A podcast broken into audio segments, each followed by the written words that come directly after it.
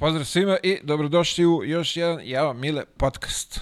A, pre svega, zahvalnost velika Admiral Beto i Matijašević Vinogradima na sponzorstvu, na podršci i da vas zamolim da zapratite YouTube kanal. A, bilo bi lepo da ste u toku o svemu vam što radimo, što da nas pratite, da, da, da budete o, informisani na vreme. Naravno, tu su i ostale ove društvene socijalne mreže, možete nas pratite tamo, a ima i audio platforme. Ako ne želite da nas slušate ili vozite kola šta god, možete da nas potražite na gotovo svim audio platformama se nalazimo. A moj današnji gost, čovek čija trenerska karijera traje već skoro 50 godina. Je Se napunilo 50 godina? Nije skoro, nego 50. Punih. Prva utakmica 73. godine. Kao prvi trener. Dragan Šakota je sa nama. Gospodine Šakota, dobro došli u ovaj moj skromni A šov. Mile, bolje vas našao. Kako zvuči sad kad se kaže tih 50 godina, kad pogledaš s ove distance? Pa nije, nije nešto spektakularno zato što se nešto lično dobro osjećam, pa onda mi to nekako ide kao sv- svaka godina. Idu godine normalno, nižu se, a ti to doživljaš i na isti način, na neki način je koliko god e, se dobro osjećaš, možda to podržiš, nema nikakvih problema. Dok se, do- do- dok se ima tu ovaj, želje i entuzijazma, Tako sve funkci, funkcioniše savršeno. Da, da, tu postoji jedan problem u kući, obzirom da ja gledam 5 do 10 utakmica dnevno, onda fali još jedan televizor. Košarka 24-7. Pa tako je. To je moj život i tu nema izmene. Dule kad je bio ovde, rekao mi je da gledaš po ceo dan košarku. Znači što je, sad si Pa potvrdio jeste, to. ali to je, to je ovaj, ne znam kad će se pojaviti taj moment neke zasjećenosti, jer jednostavno možda ne bi ni trajao ovoliko dugo da nisam pratio. Moraš da pratiš, moraš da analiziraš ne samo ovaj, e, naše utakmice i strane, čak i ove mlađe selekcije, e, sve pokušaš da vidiš neko novo lice, ne- neki novi talent. Ali to praćenje na vrhunskom nivou, to te održava, vidiš u kom pravcu ide moderna košarka i prihvataš to inače e, vrlo brzo nestaneš. Je li ima nešto sad novo što bi se reklo da, da, da, da primeniš, to jest da vidiš pa da primeniš u, u, u svom radu?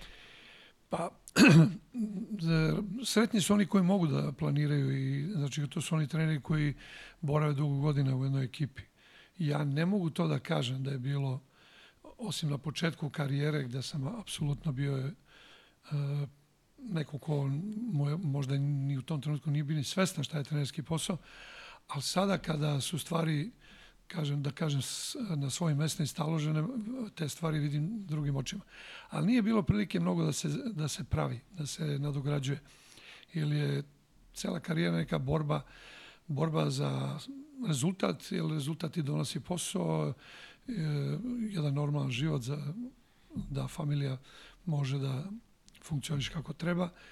U tome svemu, kad malo analiziraš, nema baš puno prostora i da se nadograđuje e, i, sam tre- trener kao trener i da se nadograđuje ono što stvara.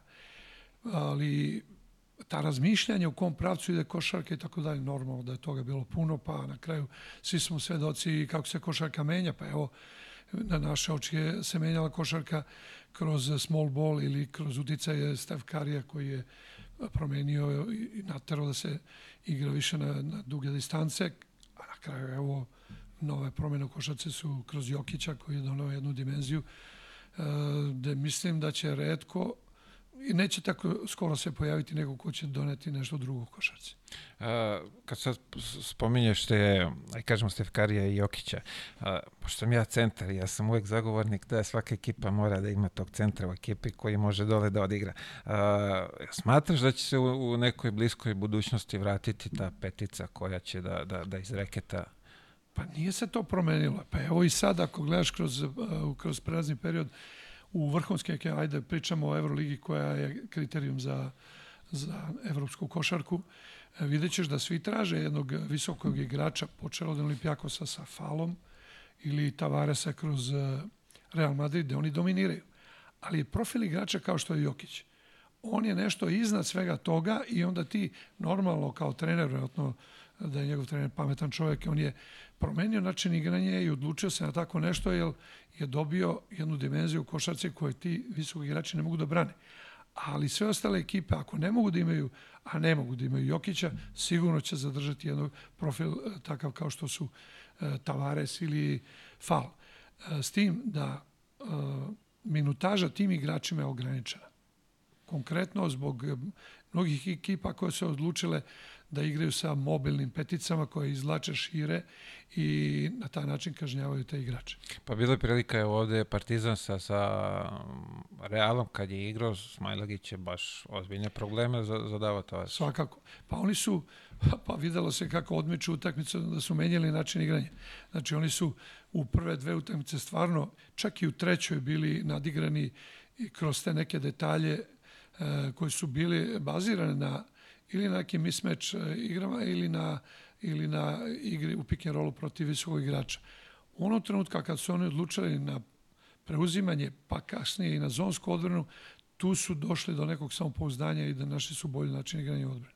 A, sad me zanima, kad smo već kod, kod tih tema, ovaj, koliko je teško treneru pripremiti ekipu za, za neku drugu taktiku u, u tim utakmicama ako primjer radi cele godine igraš small ball i dolazi ti visoki čovjek, ti mora da, da nađeš rešenje za njega kako ga i sačuvati i kako ga napasti.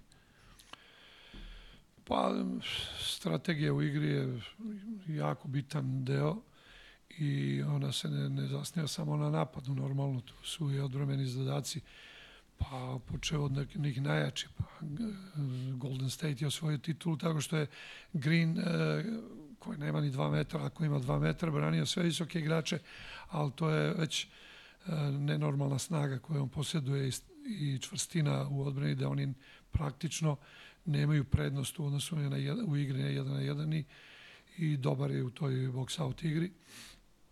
Ali to su redki, redki igrači. Normalno, Tavares je u većem delu, u procentualno većem delu utakmica ispolja svoje prednosti, pravi razliku. Baš kažemo pravi razliku. Po to si da se na kraju krajeva i u, i u finalu Euroligi. Tako je, bukvalno, sad opet, i on je bio u Americi, nije se snašao, vratio se, ovde dominira jer nema 3 sekunde u, u odbrani. Puni reket, pa ne možeš tek tako lako da prođeš, da poentiraš Jeste, pored njega. Jeste, ali on je došao u Real, ipak je on bio mlad igrač i nije, nije dobio pravu šansu u NBA. Pa na kraju ja mislim da je imao dobru ponudu sada da ode u ovaj, da se vrati u NBA.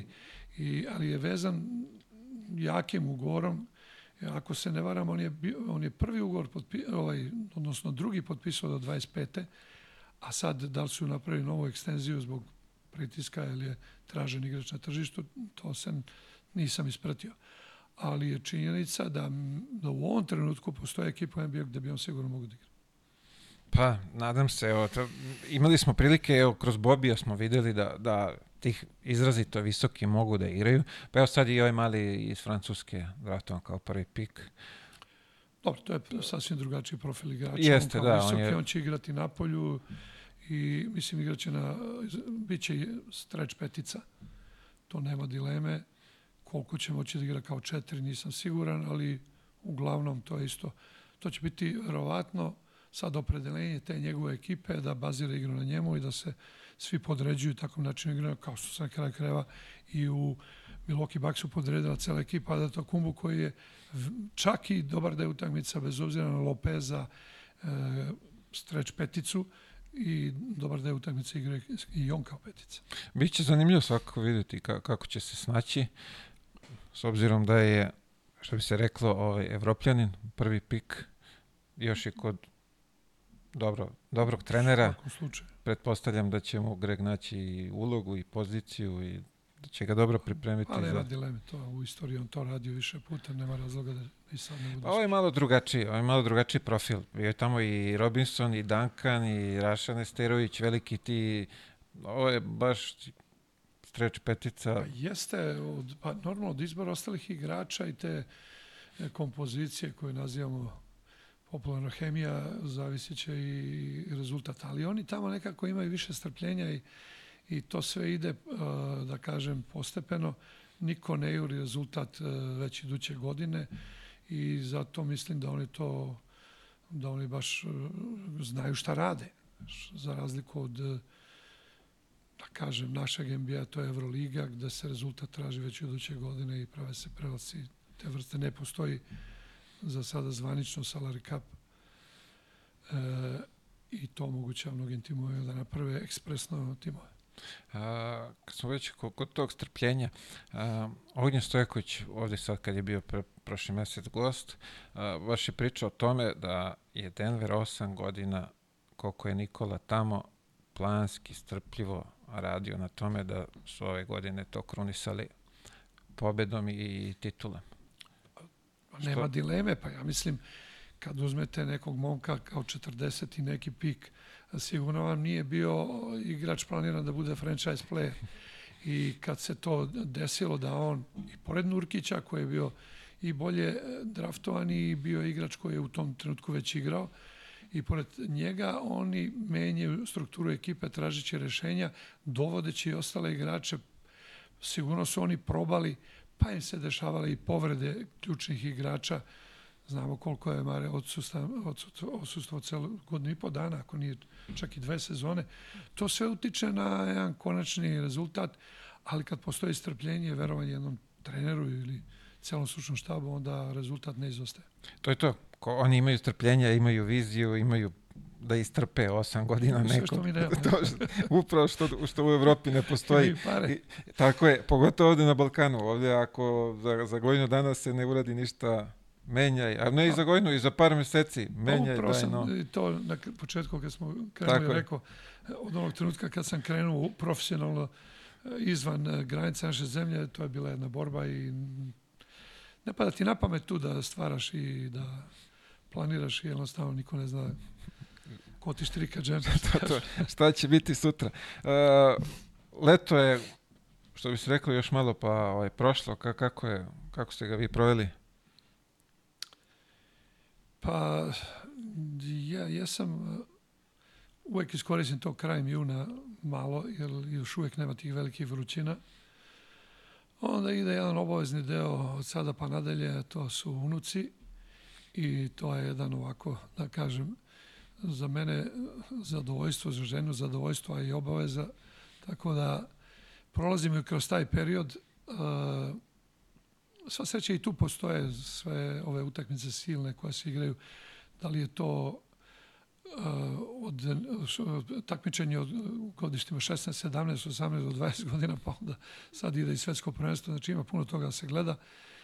I normalno postoji drugi sportovi, leto prolazi tako, normalno ja živim tamo dole i na, za nas je opcija kupanje uvek e, težak samo izbor na koju plažu otići ujutru kad se provodiš, to je, to je otprilike naše leto. I, e, relacija je Atina-Beograd, je li tako? Ni, e, ili mi Solom? tamo živimo, mi, uglavnom u Beogradu smo gosti. U, gosti. gosti. U, u svom gradu smo gosti. Da. A dobro to, lepo je kad se ovaj, Može tako, to je... Pa hvala Bogu, uvek se... 12 meseci može lepog vremena. Tako, redovno. Zašto, najvažnije se redovno zahvaljivati, to je, ovaj, ako nisi dovoljno zahvalan... Pa jeste, evo pričamo sa tim 50 godina, da ja iza toga e, razmišljam e,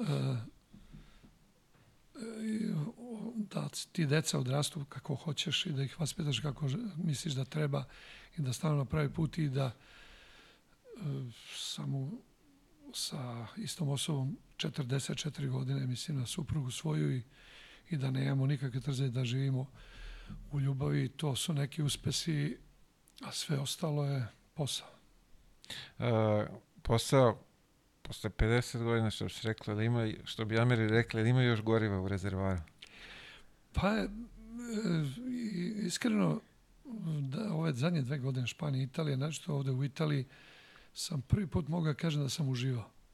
I, I bilo je nekako zadovoljstvo raditi, ali da li su i ljudi i njihov odnos koji je sasvim nekako bio uh, onako kako želi čovjek, i nisu gledali na godine, nisu to gledali na način kako svugde drugde gledaju, ovde postoji neko mišljenje o nekoj staroj košarci, novoj košarci i šta ja znam, mislim, košarka je jedna. Samo je pitanje da li ti pratiš. I na kraju kraja ne znam zašto bi Greg Popović u najjačoj košarci na sveti, svetu bio čak stariji od mene i još mnogih trenera koji se još drže. Ili zašto bi predsednik Amerike imao 75-6 godina i, i bio sposoban da to radi. Normalno da imam želju, možda ne da radim u svakoj sredini i na svakom mestu, ali nisam u situaciji da biram. Um, tako nešto se događa ovih zadnjih godina da je to neka ulaženje u, u, baš u situaciji da, je, da nije baš naj, sve najsretnije i onda moraš to da ispravljaš. Ja mislim da to čak i de, de, teži deo od košarke i, i napraviti, popraviti, promeniti iz početka za jako kratko vreme postaviti, a ekipa je u problemu rezultatskom, to je onako jeste stresno, ali nekako taj stres je već iza mene, više ne, ga ne doživljam kao nekad. A, stres ili samopouzdanje? Kad dolaziš u te nove ekipe, šta je, šta je veći problem tu? Rezultatski taj stres koji igrači imaju ili samopouzdanje koji im je poljuljano? Pa nikada u našem poslu nije jedna stvar e, definicija našeg posla. Znači, mi e, govorimo o iskustvu. Iskustvo je neprocenje u odnosu na sve. Znanje košarkaško je nije sporno. Ali ja vam tvrdim da u većini klubova e, pomoćni treneri znaju više od prvog trenera. Pa, I to je logično. Jer oni su u materiji, oni gledaju više, oni razmišljaju više, oni su dužni da to sve izanaliziraju i da ti donesu. Onda imaš trenere koji moraju da skupe sve te podatke i da ih imaju negde da ih drže spremne. Znači, taj čovjek mora na neki način više da zna od tebe. E, sad, oni nemaju ono drugo, nemaju odgovornost, ne sede na klupi, njima nije o glavi. E, znači, kad to sve analiziraš, doćeš do toga da, da nije presudno znanje, ali je bitno, da nije odlučujuće ni, ni ovaj ni e, da li si, kako izgledaš fizički i tako dalje, ali nije ni, ni loše da, da, da budeš pristojan. I, znaš, sve te komponente kad se stave e, zajedno sa, opet govorim, iskustvom, do, donose jednu sliku koja je, da kažem, profil jednog trenera. Uspešnost, pa znaš kako, e, u NBA na kraju jedan tim ili dva tima, tri tima, ajde su neki favoriti, sve ostale se bore za neke brojeve. Ovde u Evropi svi, sve ekipe počinju da budu uh, manje više prvaci. Uh, doživljavao sam to da u Grčkoj da svi, sve svoje ekipa nazivaju velikim ekipama, a nalaze na dnu tabele. I sad ti treba da zadovoljiš ambicije svih tih ekipa. Znači, e, uspeh e, jednostavno e, mi kao treneri možemo da kažemo uspeh je što smo bili sedmi, uspeh što smo bili deveti. Ali kad piše statistika i kad kaže da si bio deveti, verovatno niko to ne gleda kao uspeh. Uspeh je da taj igrač dođe do NBA, da ode u veliku ekipu. Ima mnogo lepih kategorija koje se mogu nazvati uspehom, ali nažalost titule su motivi za sve trenere i tako dalje i one na kraju kraju odlučuju da ćeš da budeš i koliko ćeš da zaradiš. To je to, na kraju te titule se broje, svi tamo pripisuju koliko je koliko titula osvojeno, niko ne vidi što ti kažeš da li je uspeh bio sedmo mesto, deveto ili pa zavisno jeste, od, od ekipe u kojoj se nalaziš. Pa ja se pitam sad ako sam uh, 72. znači na zimu i 73. prva zvanična utakmica i mi smo u tom periodu prošli sedam liga da bi došli do prve savezne lige u, u deset sezona, pa mi smo morali da budemo prvaci u svih tih deset, od sedam liga koje su postojale u staroj Jugoslaviji. Znači, da li smo i bili prvaci i da li se to igde broji? Ja ne vidim da mi je neko to ikad upisao negde, ali to su za mene bile titule. Kao što su i titule svako ime koje je završilo u nekom veliko, nekoj velikoj ekipi ili u NBA, naravno. A opet s druge strane, ako rekao sam, dođeš u grčko prvenstvo i, i na jednoj klupi sedi Duda Ivković, a na drugoj Željko Obradović. Koje ambicije možda imaš i u kojoj ekipi treba da budeš? Znači, samo sledeća, prva sledeća, to je treća. Znači, od trećeg pa nadole, nadole ovaj, su ta ostala mesta. Znači, ima toga, toga, nekih, i da kažem, malo i nepravdi u tom uh, našem poslu i možda i to neko vrednovanje bi trebalo da ima više kategorija, ne samo titula. Jasno. Kao što je uvamo za, za, za košakaša statistika, pa imaš onih raznih kolona, ni, ne možeš budeš u svim najbolji, da. ali u nekoj jesi da, sigurno. Da, nisu te statistike. Tako je, kod da. vas nema, ima samo pobjede i poraze i trofeji. Uh, kako gledate na večete sad, prošlu sezonu u Euroligi? Prvi put, ne, drugi put, ja mislim da su zajedno i jedna i druga ekipa u samo što ovaj put nenormalni budžeti za ovaj prostor, što bi se reklo. Pa mislim da smo i dosta o tome pričali javno da će obzirom na to šta se dešava biti jako interesantna ta prošla liga i ispostavilo se da je tako. Većina e, ljubitelja košarke je priželjkivala da obe ekipe dođu u situaciju da se bore za, za play-off. Uspeo je Partizan. E, interesovanje bilo je fantastično.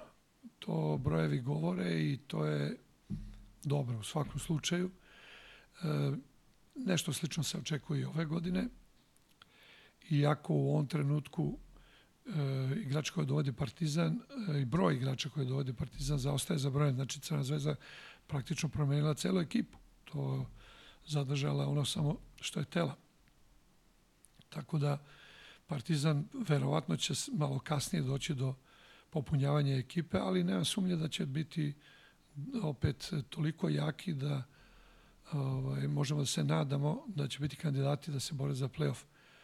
Opet, s druge strane, e, pratimo i ostale ekipe, nije da, nije da nije. Kad vidiš Panathinaiko šta je uradio, e, Fener i dalje na onu ekipu kojima se pojačava, pa onda malo je korigovao ekipu Olimpijakos, ali će sigurno biti jak, Real Madrid, nema dileme. Barcelona je jedan veliki znak pitanja šta će se desiti. Sigurno ima bazu igrača, ali neiskusnog trenera.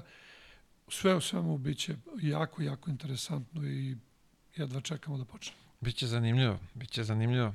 Treba to ispratiti. Olimpijakos, Panathinaikos i oni su kod njih je uvek tenzija, pogotovo mislim da će ove godine bude baš tenzija zbog predlaska uh, s Lukasa, tako beše u... Da. Će bude zanimljivo za, za pratiti. Jeste, jeste, evo, ja sam na tih nekih 30 godina sve dok tih događaja učestvovao sam, bio sam u jednoj ekipi, Dušan je bio u drugoj. Uh, preživljavali smo sve te derbije, i znam kako to izgleda nekad. E, te dve ekipe nisu postojale, ali je postojao Pao Karis. To je bio jedan neprikosnoveni derbi i kroz oba dve sam ekipe prošao i te tenzije i e, to iščekivanje e, je stvarno nešto što ne znam da li može nekim filmom da se opiše. E, gledajući normalno istorijski kako je to išlo i tako dalje, kroz tih Ja sam pristao u grčkoj košarki, košarci 33 godine, s tim da sam odlazio i dolazio po neku godinu, ali uh, Dušan je bio 5 plus jednu paniosu i pet u AEK, to je 11 godina uh, kao protagonista i normalno da sam sve znao o tome. Jako interesantno. Dinastija Željkova je trajala 13 godina. U tom periodu uh, uspeli smo samo mi da prekinemo tu jednu seriju između njih. To je to prvenstvo 2002. godine koje je jedino prvenstvo AEK u 50 i nekoliko godina. E, sve ostalo je Olimpijakos i Panathinaikos. Sad u zadnje vreme normalno to drži od odlaska Željka pa nadalje. Nisu nešto osim titule prvaka države, ali evropski nisu nikakav rezultat napravili. E, nije napravio Panathinaikos ovog puta su jasno stavili do znanja da, da prave tim koji nema nikakvu drugu ambiciju osim da bude prvak Evrope. Na kraju krajeva i trener je doveden koji je u zadnjih godina imao te rezultate i svima je to transparentno da Panathinaikos e, pravi tim, a i impresivni su i igrači koje dovode. Prema tome, da li će se promeniti taj balans između njih ili pak je Olimpijakos sa izuzetkom možda jedne utakmice koju je izgubio, koja nije bila čak ni bitna u play-offu, sve ostalo dobijao. Uh, ovog puta zaista ja mislim da će to biti u najmanju ruku 50-50 i da će interesovanje u grčkoj košarki, košarci biti kao nekada ili kao što je sada ovde između Zvezde A, ako se ne varam, već drugo, treće kolo, kako kako, zaboravio sam baš raspored, kad igraju, najavili su... Pa, da, vidio sam nešto da jako brzo igraju i, i jedni i drugi čak, mislim. Ali, znaš šta je tu interesantno? U Grčkoj je to kriterijum. Znači, ako je novi trener izgubi, dobije tu prvu utakmicu, svi misle da je, a obično se dešavalo da je kasnije izgubio neva, nevažnije. E, ovog puta e, mislim da će Panathinaikos imati mnogo više strpljenja da čeka rezultat, jer na kraju, što kažu, na kraju se mrtvi broje i ako budu imali strpljenja, mislim da će onda i stvarno doći do, do, do rezultata jer Olimpijakos i po principu nekih velikih brojeva pa, može da izgubi. Pa neki Panathinaikos je doveo i generalnog menadžera, i trenera, i hrpu igrača, sad, sad ne znam tačan broj koliko ih je promenio, vi kažete, ja sam znak da napadaju titulu prvaka Evrope, tu nema govora, mada Olimpijakos godinama on po jedan, dva igrača dodaju tom kosturu koji imaju i non stop su pa, dobro, tu u vrhu. Pa to i jeste pravi put. Znači, ti dođeš do neke hemije u kojoj napravio si jednu dobru limuzinu, sad je samo menjaš gume i eventualno malo lifting i, i ta limuzina će uvek biti atraktivna. Panathinaikos je i, i sve te, pre, stavio je legende kluba Alvertisa Diamantidisa, nije prošlo, pa onda stavio Pedulakisa, bivšeg igrača da bude i prvo trener, pa, kos, pa kasnije generalni menadžer, pa ni to nije prošlo. Znači imali su oni neka lutanja, ali zad zaista kroz ove e, poteze koje rade, ne postoji neko ko sad misli bit će to isto kao što je bilo ove godine. Ne, ne, mislim da je sad malo zbiljna priča. Evo, vidjet ćemo. Vidjet ćemo. Ataman je na klupi. Svakako će biti zanimljivo. Verujem da je on po, pored... rođeni pored... pobednik. Mislim, vidim se da je uspeo je u skoro svakoj sredini da je bio, ja sam isto radio u Turskoj, on je sa Bešiktašom bio prvak, pa je sa Galatasarajem bio prvak, sa Efes Pilsom bio prvak, sa uh, sad... Ja da mislim ne, negdje da, Italija, da, sa Ankarom je negdje... U Sijeni kad je radio bio je osvojio kup kupova, uh mhm. -huh. kako li se već zvao tada. I, i čak mislim da je sa Efesom učestvovao uh, u Final Fouru uh, u Solunu, to je 2000. godine kada je Željko osvojio prvi put sa Panatanikosom, da je Jeste, Efes je bio, sigurno sam da li on bio trener, mislim da je bio i on trener. Pa evo, posle koliko godina izašao iz Turske, što bi se reklo, vidjet ćemo kako će se snaći u, u drugoj sredini. Da, jedan od trenera koji stalno sporavan, sporavan, a na kraju on uvek dođe do tog rezultata. Tako je, tako je. Pa Bar onako, što bi se reklo, figura njegova ne deluje onako su, su sportski kako bi to... Pa ovaj... Pa o tome sam pričao na početku. Ne bi bilo loše da, da svi izgledaju kao Patrajli, ali Ali dobro, Ali čovjek ima rezultate, nebitno kako, ovaj, kako izgleda i koliko drži ovaj, do, do svoje figure. Uh, zanima me u ovom moru utakmica koje gledate svaki dan, koliko tu ima prostora za NBA i za koleđ? E, pričamo o mlađim selekcijama. Generalno. Mislim, koleđ je, to je ok, pa dobro, ovaj, vidi NCAA. se da, uh, ta tendencija odlazaka igrača će da, da bude i to se vidi kroz akcije i skautera koji dolaze i sarađuju ovde sa ljudima koje prate i tu ništa nije palo, šta više rekao bi da je još veće interesovanje. Jer primjeri tipa Jokić uh, uh, otvaraju jednu novu dimenziju. Čekaj, čekaj, nismo dobro videli. Daj da, da, daj da to malo bolje sagledamo. Daj nemoj da prepisujemo jedan od drugo. Jer jednom periodu bilo prepisivanje. Neko čuje da dobar igrač. Jer ja sam, e, ne bih hteo da spominjem e, imena nekih skautera ko, za, za koje sam pitao šta mislite o Dončiću. Neće moći on u NBA-u sa ovim telom. Na kraju mislim da, da nisu dobro videli. ni oni. E, prema tome, tu će biti sad mnogo većeg i mnogo detaljnijeg skautiranja i gledanja i mnogo više verovanja da nešto ne mora odmah da se vidi, da može kasnije da se vidi. I to, to nikad neće prestati.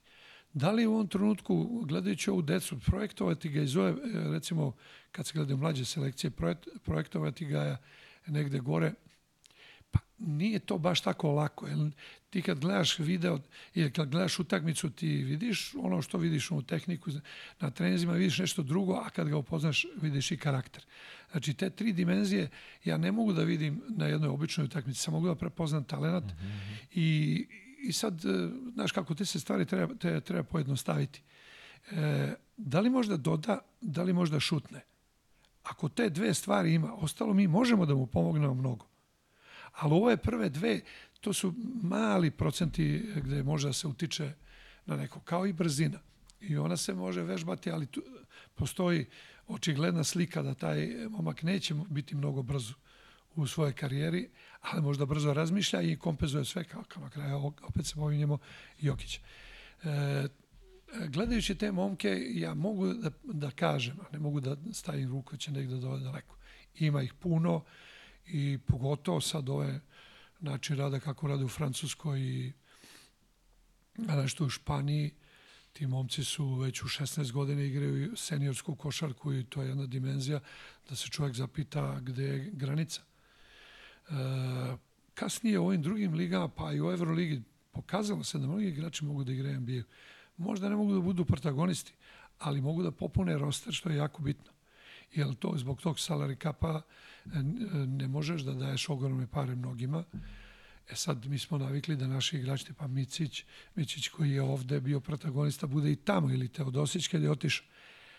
Ali neće dobiti e, možda takvu ulogu, proći će kroz NBA i neko će uspeti, ali ovaj, e, rekao bih da biti protagonista e, za neko ko je već oformljen i dobio ime u Euroligi ili nekom evropskom takmičenju teško, ali za mlade prospekte koji su draftovani visoko sigurno postoji budućnost.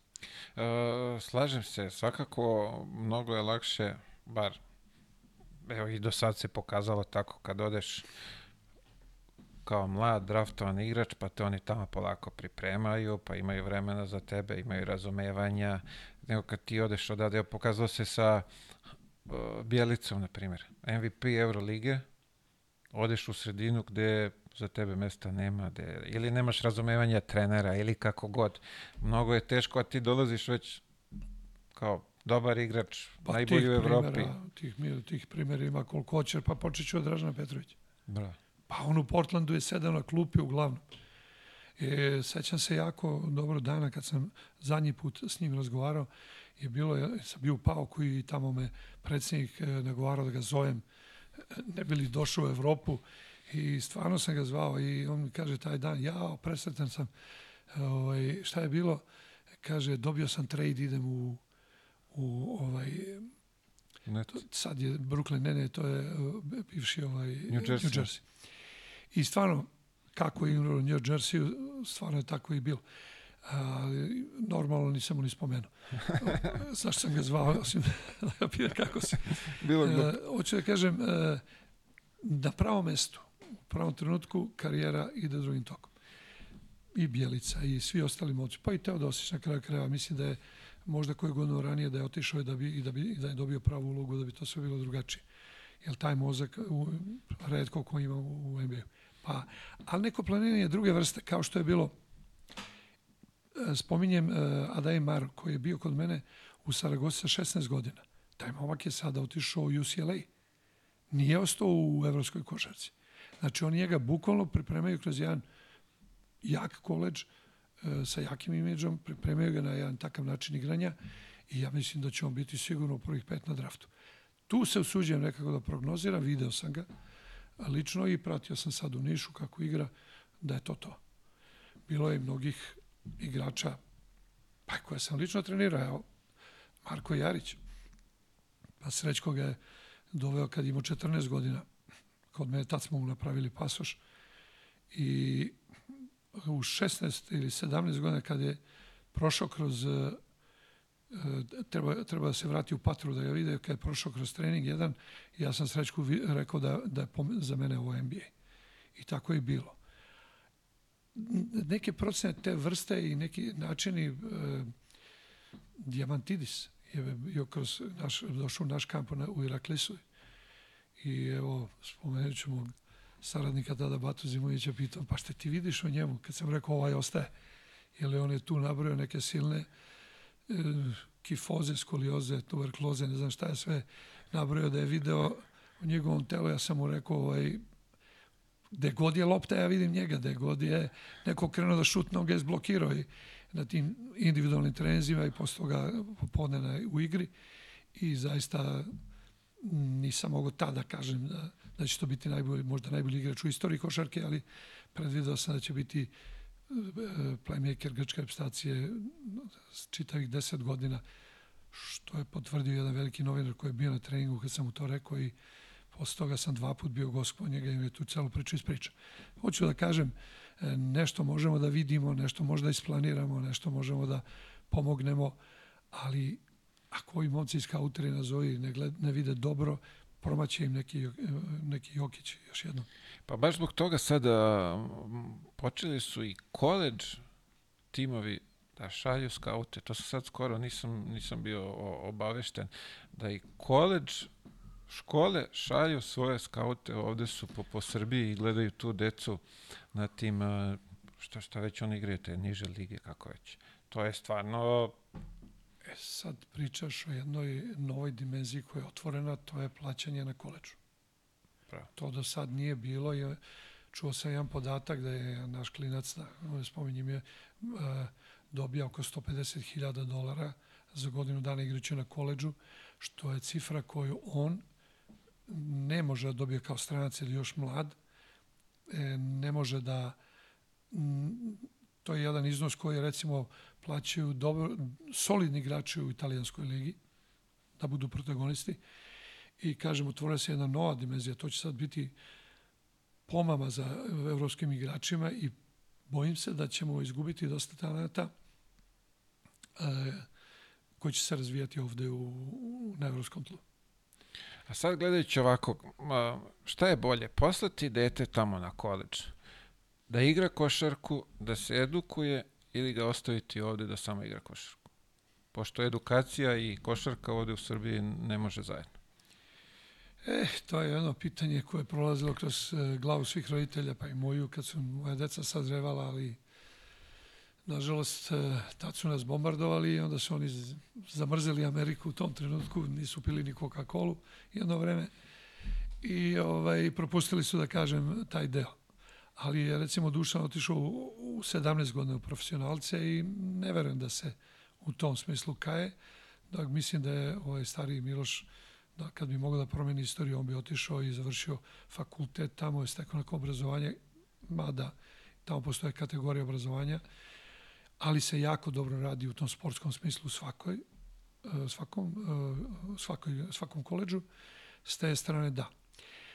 E sad, dijapazon tih talenta je veliki. Znači, ako je nekome očigledno da će on biti veliki igrač, ako to neko stvarno možda proceni, svi će savjetovati da ostane u Evropi i da ode u neku veliku ekipu i brže dolazi do afirmacije, brže dolazi do novca. Ali za veliku, veliku veličinu roditelja koji, ako mogu realno proceni koliko re, roditelj možda bude realan uopšte, ako im neko realno proceni i savjetuje da se okrenu i školi i u uporedu i treniranju, to je možda bolje rešenje. Ja ovde se pokušavam i trudim kroz razgovor da ih osvestim koliko možemo, da karijera profesionalnog sportista je nepredvidiva, može izuzetno kratko da traje, bez obrazovanja ti si polumrtav čovjek. Tamo se daje mogućnost i školovanja i razvoja karijere. Što je sasvim pa o, mislim, ne sasvim, nego ozbiljno dobra stvar ja koja je u mogućnosti. bio za to, kada bi bio siguran da to školovanje ima jedan nivo i to obrazovanje i da je nivo da ti stvarno sa tom školom možeš kasnije da nađeš dobar posao. U tom slučaju sigurno bih rekao uh, tako. Ali znamo da dosta, dosta škola u Americi nemaju taj nivo obrazovanja, pa na kraju kraja svi ovi igrači koji dolaze ovde da igraju kod nas, oni se završili fakultete. Nisam siguran koliko su sposobni da rade posao za koji su školovani. To iz prakse ide. Opet imao sam primere da je, je došao, nažalost, pokojni igrač sa Stan, Stanforda, kome je po završetku karijere nuđeno da radi svoj posao za 200.000 dolara. A on je došao za iste pare da još malo igra košarku. Uh, I da vidi malo Evropu, da upozna neke dru, druge kulture i, i da kao neki iskusniji čovjek krene u, u tu vrstu posla, to, to je za mene bilo onako pravo, pravo ovaj, pravi put. Kad bi znao da je to nivo obrazovanja takav, uvijek bi savjetovao tu, taj pravac. Pa je taj primjer dolaska tog igrača u Evropu da upozna kulturu i odavde kad deca odu za, za Ameriku isto je obraz, poznanje nove kulture, novog jezika, drugačiji pogled na svet, drugačije razmišljanje. Ja mislim bar ovako da smo mi Balkanci sposobni da, da savladamo tu školu tamo što je kod njih koja nije preterano zahtevna. O tome se i radi. Jer naše škole su bile, počeo od vremena kad sam javio u, školu, u školi, da, znači da je jedno, jedan sistem koji je bio zahte, zahtevan. Ti si morao jako dobro da znaš materiju, i, ali ne samo jednu ili dve koliko se tamo nudi, nego sve, jedno sveukupno obrazovanje je bilo na visokom nivou, plus znanje jezika. E, na kraju naša deca relativno lako završavaju te, te fakultete. E sad e, pričamo dalje o tom nivou obrazovanja. I imaju, postoje specializovane škole. Pričam o Harvardu. Eto, desilo se da sam ispratio jednog momka koji ima moje prezime, Šakota, koji je otišao igra za kanadsku reprezentaciju i bio sam u kontaktu s njegovim ocem tražeći da smo neki rod i onda smo ostali u tom kontaktu. Taj momak je e, bio jako talentovan i to se može vidjeti kroz sve utemice koje je igrao i kroz kanadsku reprezentaciju i na, i na školi i onda je on otišao na Harvard. I tamo dosta dobro igra, ali ta škola mu garantuje ono što pričamo, šta će biti posle. Tako je. To svi, tu temu svi imamo, svi roditelji zajedno sa decom delimo kada ne završe i upravo prolazimo kroz tu fazu. Ali dobro da se momci spremaju mnogo ranije da počnu da razmišljaju. Mi se trudimo, evo ovde, trudimo se koliko već godinu nešto dana da ovaj, malo ih uputimo, da im ovaj, pojasnimo i dočaramo da karijera sportiste kao što sam rekao, nepredvidiva, pa, može kratko, izuzetno kratko može da traje. Mila, samo dodam nešto da kažem. Ako ljudi misle, znaš, pa dobro, zavarim se karijeru i postanem uh, trener. Ja samo da ih obavestim da Željko Obradović je počeo da se sprema mnogo ranije nego što je, kad je pre, pre što je prestao da igra i dolazio na seminare uh, kao košarkaš. Znači, gledao je, pratio je i neke stvari ovaj, su mu već tada bile jasne da se opredelio za taj put. Znači, kogod želi nešto e, posle karijere da planira, nek počne pre što je završi. Imali smo sad ovde baš skoro raspravu koliko mi zapravo imamo tih mladih trenera koji su završili te trenerske škole, a bez posla su, tako da i to je isto još jedna zanimljiva tema za... za... Pa, nažalost, tako je. Ja bih rekao da smo imali sreće da naši vrhunski treneri, pre svega govorimo o Ranku Žerovici i profesoru Nikoliću, su imali želju da prisustuje svim tim seminarima i da imali su volju da učestvuju i rade sa našim trenerima, pa Bože Maljković je dugo godina sarađivao s profesorom. E, na kraju krajeva i Željko Obradović na početku svoje karijere mi smo svi imali možda ne toliko vremenski prilike da sarađujemo i da vidimo, da složimo kockice na bolji način. Nijedna škola toliko ne može da ti da znaje koliko može jedan iskusan trener i zbog toga se nešto pitam. Zašto ne postoje uopšte te neke savjetničke e, funkcije kao što postoje u Italiji i u Španiji, gde ljudi mogu da prenesu svoje zdravlje. Više nije stvar ni u, ni u, ni u parama. Stvar je u tome da zaista neko ima volju da pomogne mladom treneru. Ja imam kontakt sa nekoliko mladih trenera e, i to vrhunskih trenera koji zaista iskreno sa mnom razgovaraju i pritom e, nije samo stvar da šta ja mislim o tom igraču, nego me pitaju za kako bi se ti poneo u ovoj situaciji, kako ti razgovara s predsednikom u ovoj situaciji i tako dalje, što meni posebno drago, jer to je jedno iskustvo koje ne piše ni u jednoj knjizi. I, i taj e, odnos me na neki način ispunjava i zaista ne postoje nikakve pare ovog sveta, niti, niti postoje na kraju kraja pare između nas koje su bitne kad su takve odnose u pitanju. E, hvala ti sad ovo što si spomenuo. Skoro je uh, Vlade Đurović bio ovde i spomenuo je kako uopšte uh, baš ovo, uh, da nema te savjetničke funkcije, da, aj kažemo, tu vašu stariju generaciju niko ne zove da pita i za savjet ili da bude deo tu, baš to što ste rekli,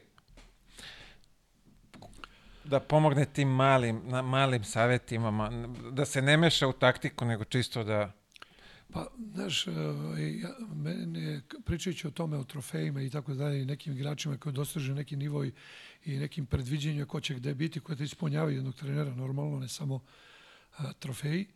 E, za mene su isto tako, da kažem, trofej i odnosi sa pomoćnicima koje sam imao u životu. Znači, to je ostalo sa izuzetkom par trenera koji ne da nisu, nego jednostavno nemaju, nisu ušli taj odnos. Nisam prekinuo odnose s trenerima koji su bili sa mnom u pojedinih klube. Naravno na stranstvu.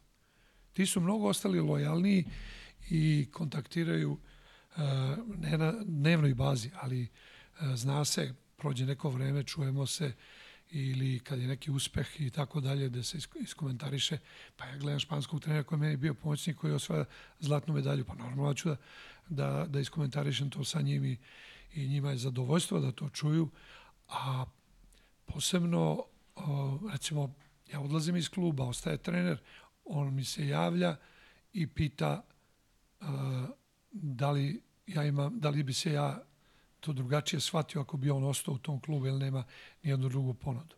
To su velike stvari i to mene strašno ispunja. To je onaj ljudski deo u našem poslu koji je mnogo zanemaren i čak jedno vreme vladalo ono da ako, ako si gori trener, ovaj čovjek bit ćeš bolji trener.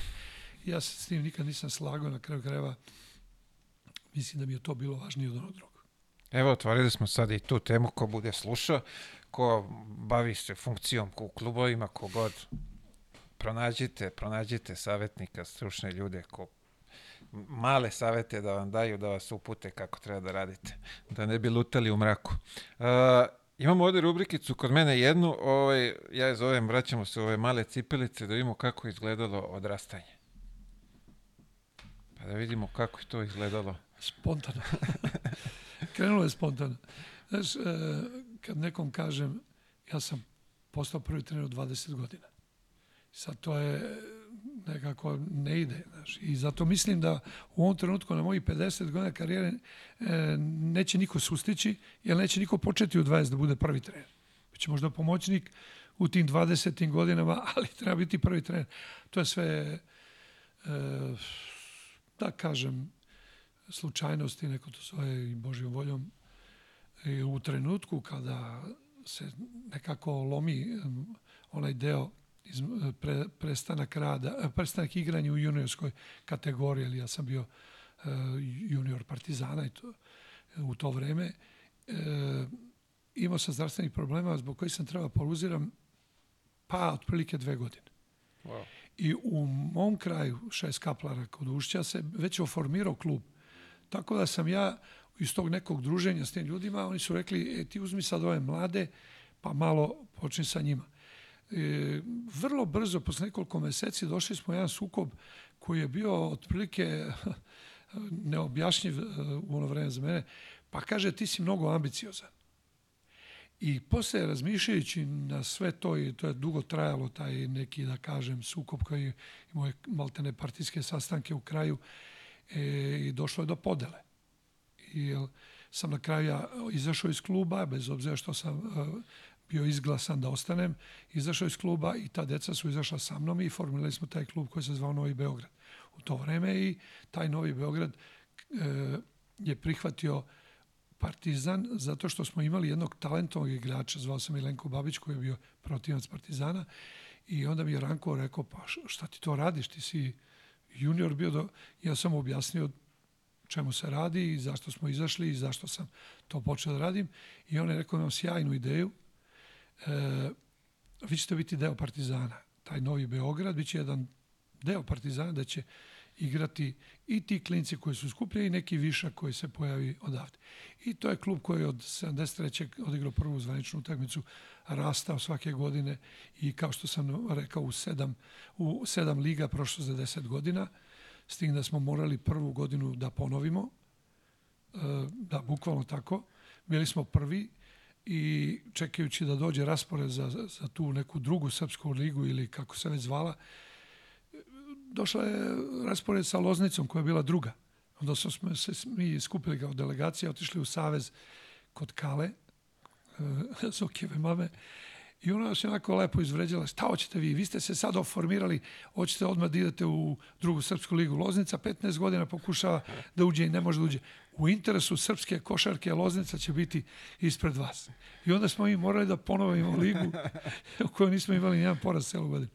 I onda je da kažem, ajde, u, u, možda u, ne u sedam, ovaj, u deset, nego u devet godina smo prošli tih sedam rangova i došli do prve savezne lige i sa onom 80, čuvenom 87. kad smo kao beli gaši osvojili istorijski kup. I to su periodi, mislim, to je neka romantika košarkaška, tu je mnogo toga, to je mnogo i ljudi koji nezasluženo nisu spomenuti u istoriji ove košarke. Skoro sam gledao e, ovoga Brkinog sina Radeta, koji, ovaj, koji je bio gost u, mislim, na sport klubu na televiziji gde je pričao o tome, o tom odrastanju njegovom, koji je paralelno bio i sa mojim.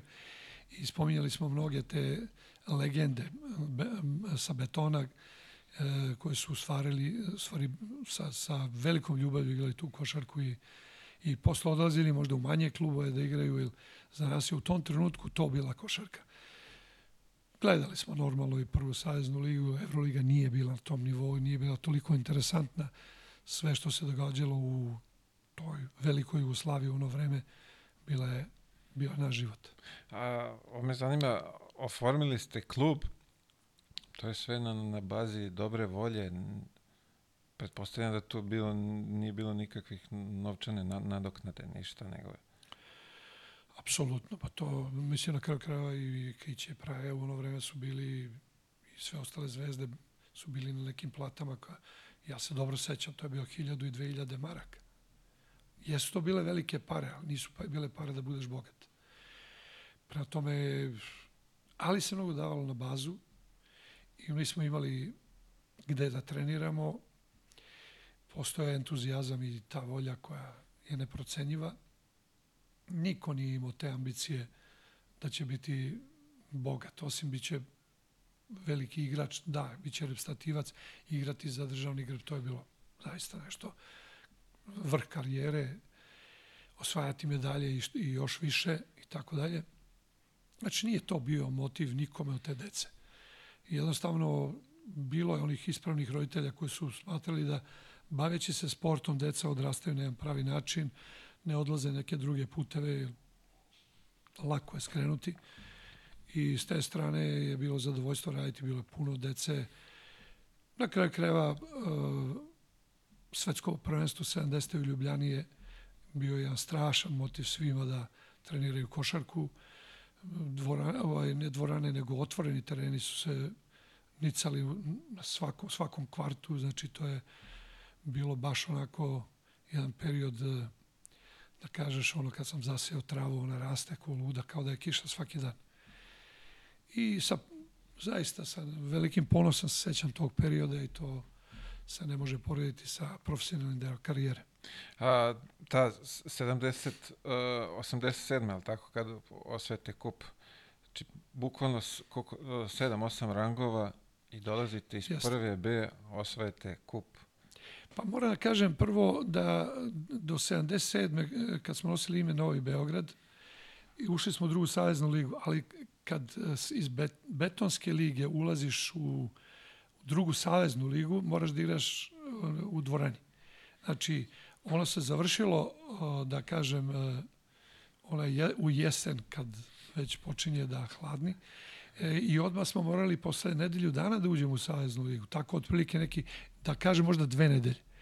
I taj period e, je, smo Ranko pokojni i ja otišli kod generalnog direktora Jentela Radovića koji je bio ujedno i pre, predsjednik Partizana košarkaškog kluba i on je prihvatio ideju da nastavi da bude sponsor, da se mi na neki način odvojimo kao klub i da više nemamo finansijskih e, zahteva od kluba i postanem samostalni i to je taj put koji je krenuo od 77, znači 77. 78. godina mi postajemo pravi profesionalni tim i isto prolazimo kroz te faze druge savezne lige, prve B savezne lige koja je imala dva dela, bio taj zapadni i ovaj naš istočni.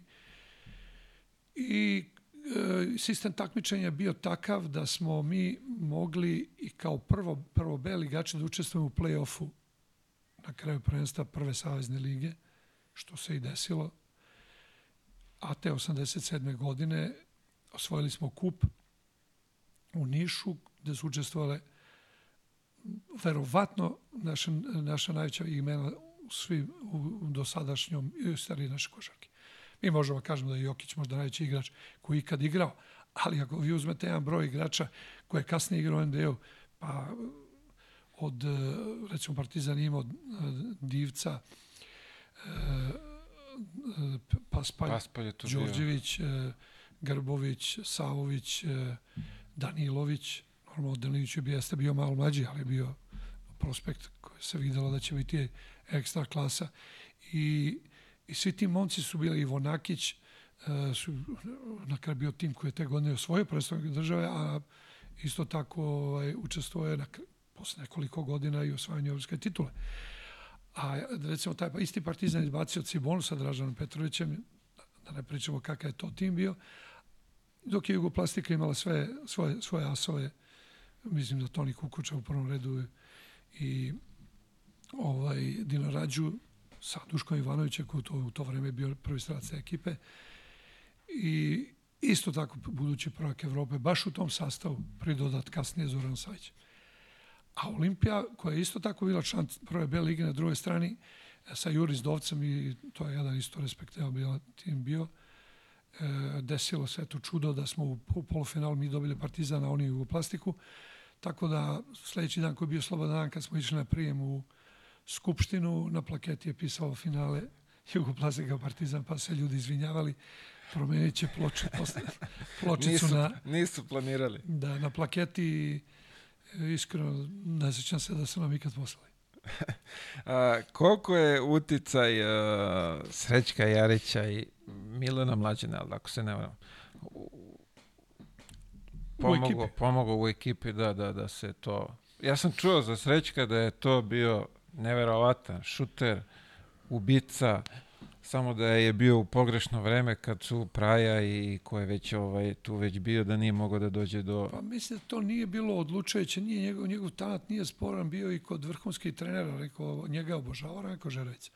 Ali niko ne, se ne sjeća kakvi su propisi bili u ono vreme. Igrač jedne ekipe je bio vlasništvo do kraja. Znači, do 30. godine ne može da ideš u inostranstvo, a ako te klub pusti u neki drugi klub, a obično su pustali ne dobrog igrača, nego lošeg igrača da ide, nije mogao da pređe. Prema tome, Srećko Jarić u ono vreme mogao da igra u svakoj ekipi od ovih velikih i sigurno su ga svi želeli, ali on nije mogao da pređe. Na kraju Radnički ga je pustio uh, tek uh, kad je on prošao neke zrele godine, pustio ga i tu u Šibenku. Nije ga pustio da ide u neki konkurentski klub.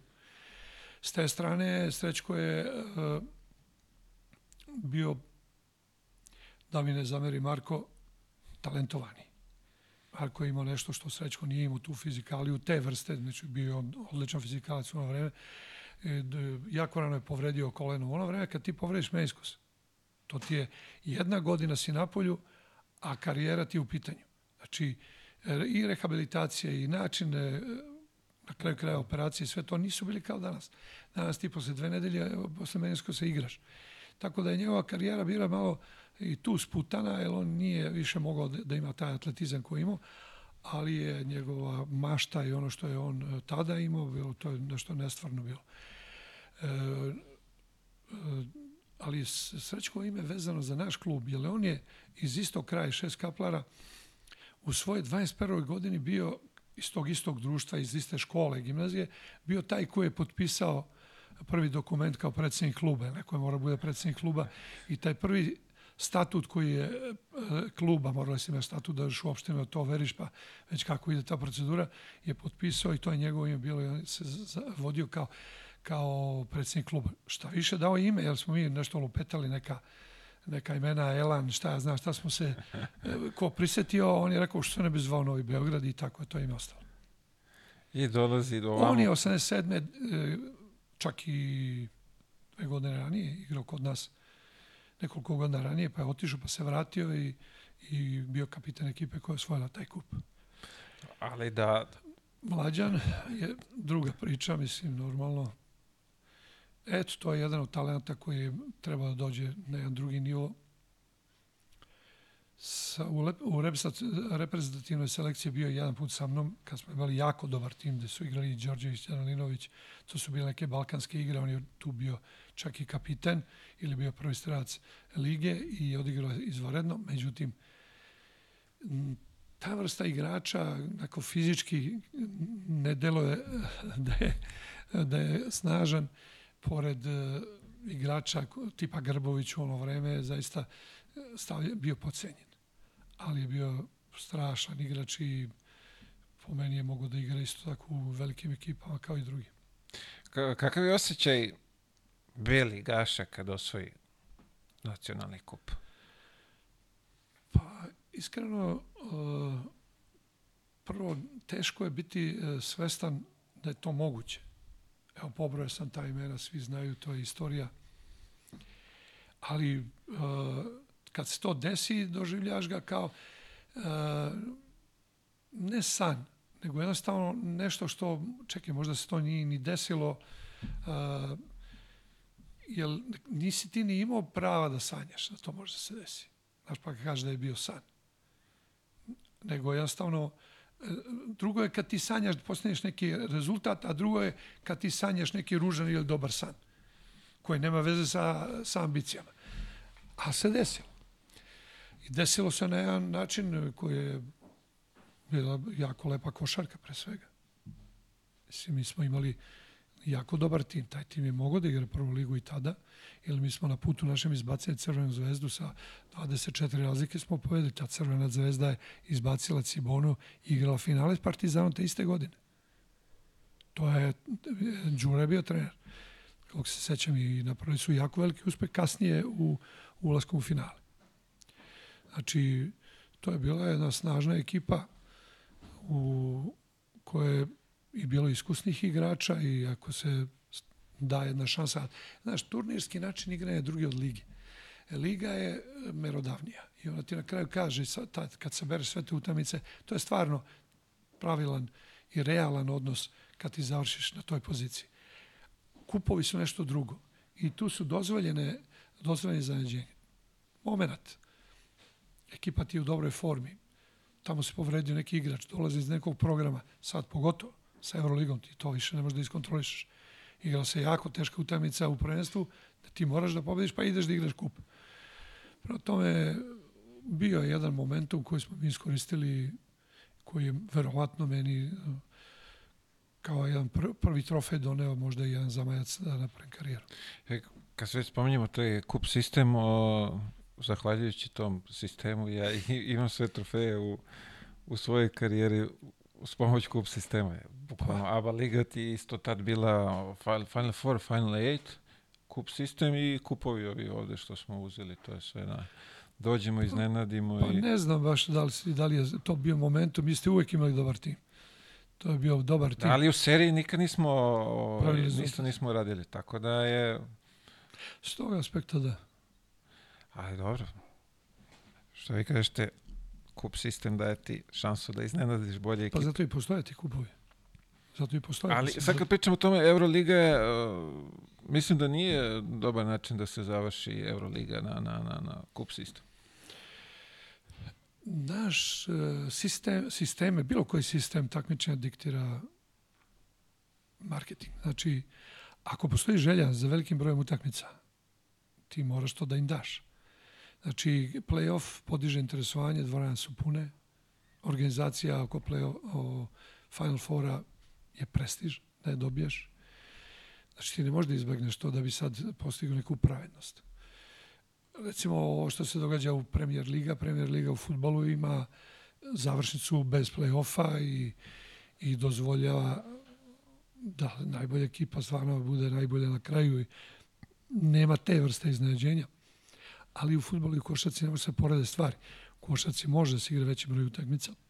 Kao što se i pokazalo, broj utakmica se non stop povećava, tako da mislim da je to, da kažem, tržište diktira, e, pa na kraju kad se postavimo pitanje, pa ko će ovo sve da plati? Ove igrače i ovo sve. Znači, mi smo e, dužni da imamo dobre timove, da napunimo dvorane, da imamo dobre sponzore. Ako nemaš veliki broj te, TV prenosa, kako ćemo to da nadoknadimo? Znači, ne zavisi od nas.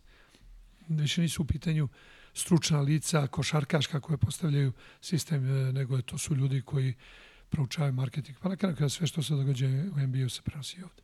Pa, dobro, da, i sad je NBA u neki kup, nešto, to, to sam vidio, ali mi nije da, jasno što kako to je više to... u sklopu nekog pripremnog, jer bio, sve se svodi na broj određenih utakmica. E, vidi, mi smo došli, sećam se kad sam došao u Zvezdu zadnji put, oni su rekli da je to otprilike broj utakmica negde oko 90, čak i možda i, i 100 sa, sa prijateljskim utakmicama. To je jedan stravičan broj. Pa ko će to da iznese? Znači, moraš da imaš veliki fond igrača, moraš da napraviš adekvatne pri, pripreme i isto tako da doziraš uh, ovaj, minutažu. U NBA to je postalo pravilo. Kao da postoji neko ko ima uključenu onu lampicu i najavljuje treneru sad, sad napolje, sad unutra. Jer i kako oni igraju. Na kraju krajeva, ko, ko gleda NBA od trenera pre play-offa? Malo, malo ko. Ako pratiš nekog igrača određenog i želiš više da saznaš o njemu ili nešto te drugo interesuje, da. Ali uglavnom to je neki intenzitet polu, rekao bi, ispravo. Ko više može da zapne od, od prvog dana do zadnjeg da odigra 80 i koliko oni utakmice imaju i onda nastavlja play-off. To je jako teško. Jako teško slažem se, ali završnica Evrolige mislim da nije pravedna. Pogotovo celu godinu, evo, čist primjer je Olimpijakos prošle godine.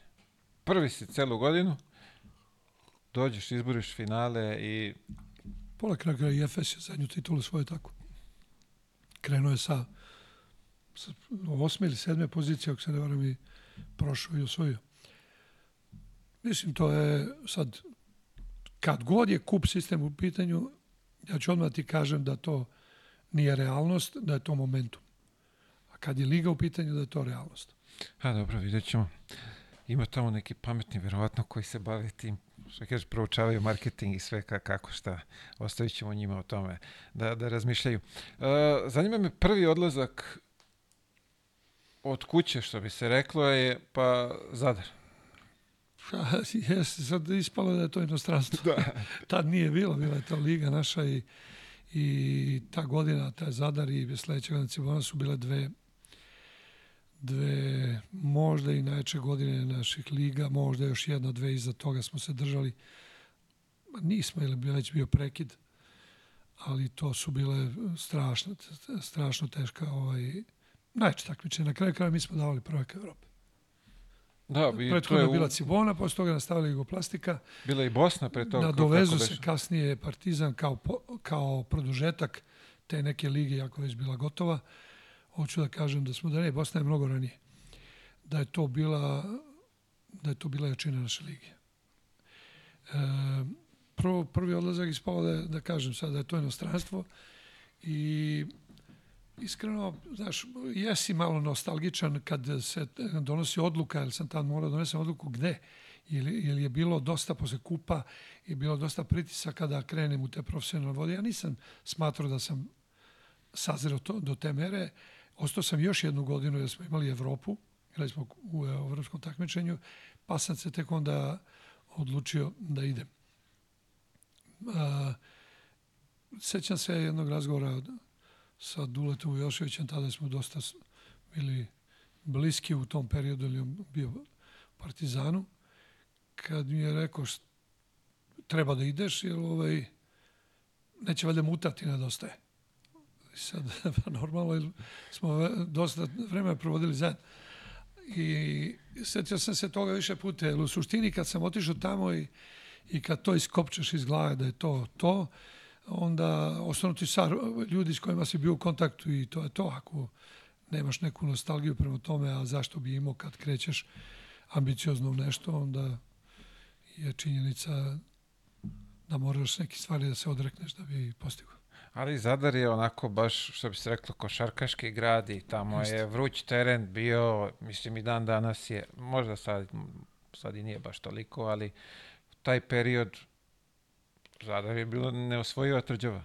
Pa jeste, znaš, ovaj, obično za fakultet treba četiri godine, a ja bih rekao u našem trenerskom poslu gde smatra škola nema presudan e, značaj tak, košarkaška daje ti neko znanje o mnogim stvarima, ali biti profesionalac u nekim ranim godinama, kad nemaš iskustvo, onda to ispada kao jedan fakultet ta jedna godina.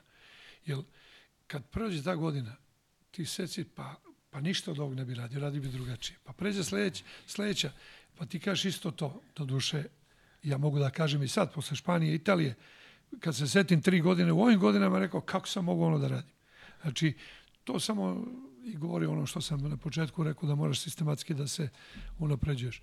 Ali je bilo jako teško, moraš da imaš tu adaptivnu sposobnost, da dođeš u neku drugu sredinu e, da postoji neka drugi način, nije to možda da kažeš druga kultura, svi smo bili jedno područje, ali neke druge navike kod ljudi, e, na kraju krajeva e, mi smo vaspitavani ta, drugačije. Mi, su, mi smo bili kao jedna zemlja i mislili smo da smo mi, jer su nas učili da budemo braća. U suštini nismo bili i na kraju kraja to je pravo svakoga da, da, da misli da je to njegov deo i, i trebalo i to prihvatiti. Da ti ljudi hoće nešto svoje, da možda hoće svog trenera, da možda ja sam morao i s tim da, da to prihvatim i da, da pokušam da budem što bolji da bi uh, živio neko poštovanje. Na kraju krajeva, iz ovog ugla kad gledaš i tamo nije bilo isto. Ipak smo još uvek bili uh, poštovana zemlja u svetu i nije se baš naziru kraj. A, a, ako smem zaključim ove priče da nije baš, nisi dobro došao tamo bio ili, ili je bila neka struja koja je htela tog lokalnog ne, ne, trenera? Ne, ne, ne, nisam, možda sam se pogrešno izradio, pa na kraju uh, đurao svoju titulu sa njima i bio je uh, na neki način obožavan. Mm. I, ali u isto to vreme stvar se polako menjala. Jer sam ja sledeće godine prešao u Cibonu, gde sam prvi put osetio da se stvari baš menjaju nisam ja imao neku, neku nelagodnost te vrste, ali ta opšta jedna klima ti je govorila da, da se nešto menja i s te strane, inače, ja bih rekao da je bilo dosta i korektan odnos prema, prema meni u oba kluba i ne bih nešto specifično izdvajao. Ali čuješ, znaš kad čuješ da se ovamo čuje priča ovamo, ovamo, nije ti prijatno ali ostalo je dosta tih ljudi koji su na kraju bili Jugosloveni. Pričamo o nekom predsjedniku legendarnom Branku Perišik, to su bile vojna lica koja su tako vaspitana. E, kod njih nikad nisi mogao da doživiš nešto slično ili Slavko Šajber. To su bili Jugosloveni. E, ne bih o temu na, na, na tu stranu, ili zaista nije to bilo.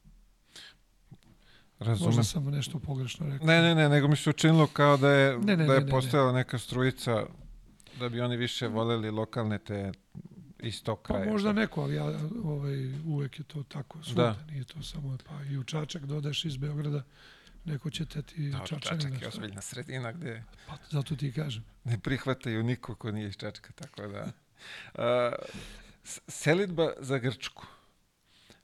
A, sad me zanima s ove distance, a, to nije bio plan, idemo sad i ostajemo ceo život. dolećemo, nego Ni slučaj. idemo jednu sezonu. Pa, s- to se događa 90. godine kad e, smo pokojni Duda i ja vodili reprezentaciju u Argentini, on kao prvi trener, ja kao pomoćnik. I bili smo svetski prvaci, to se zna.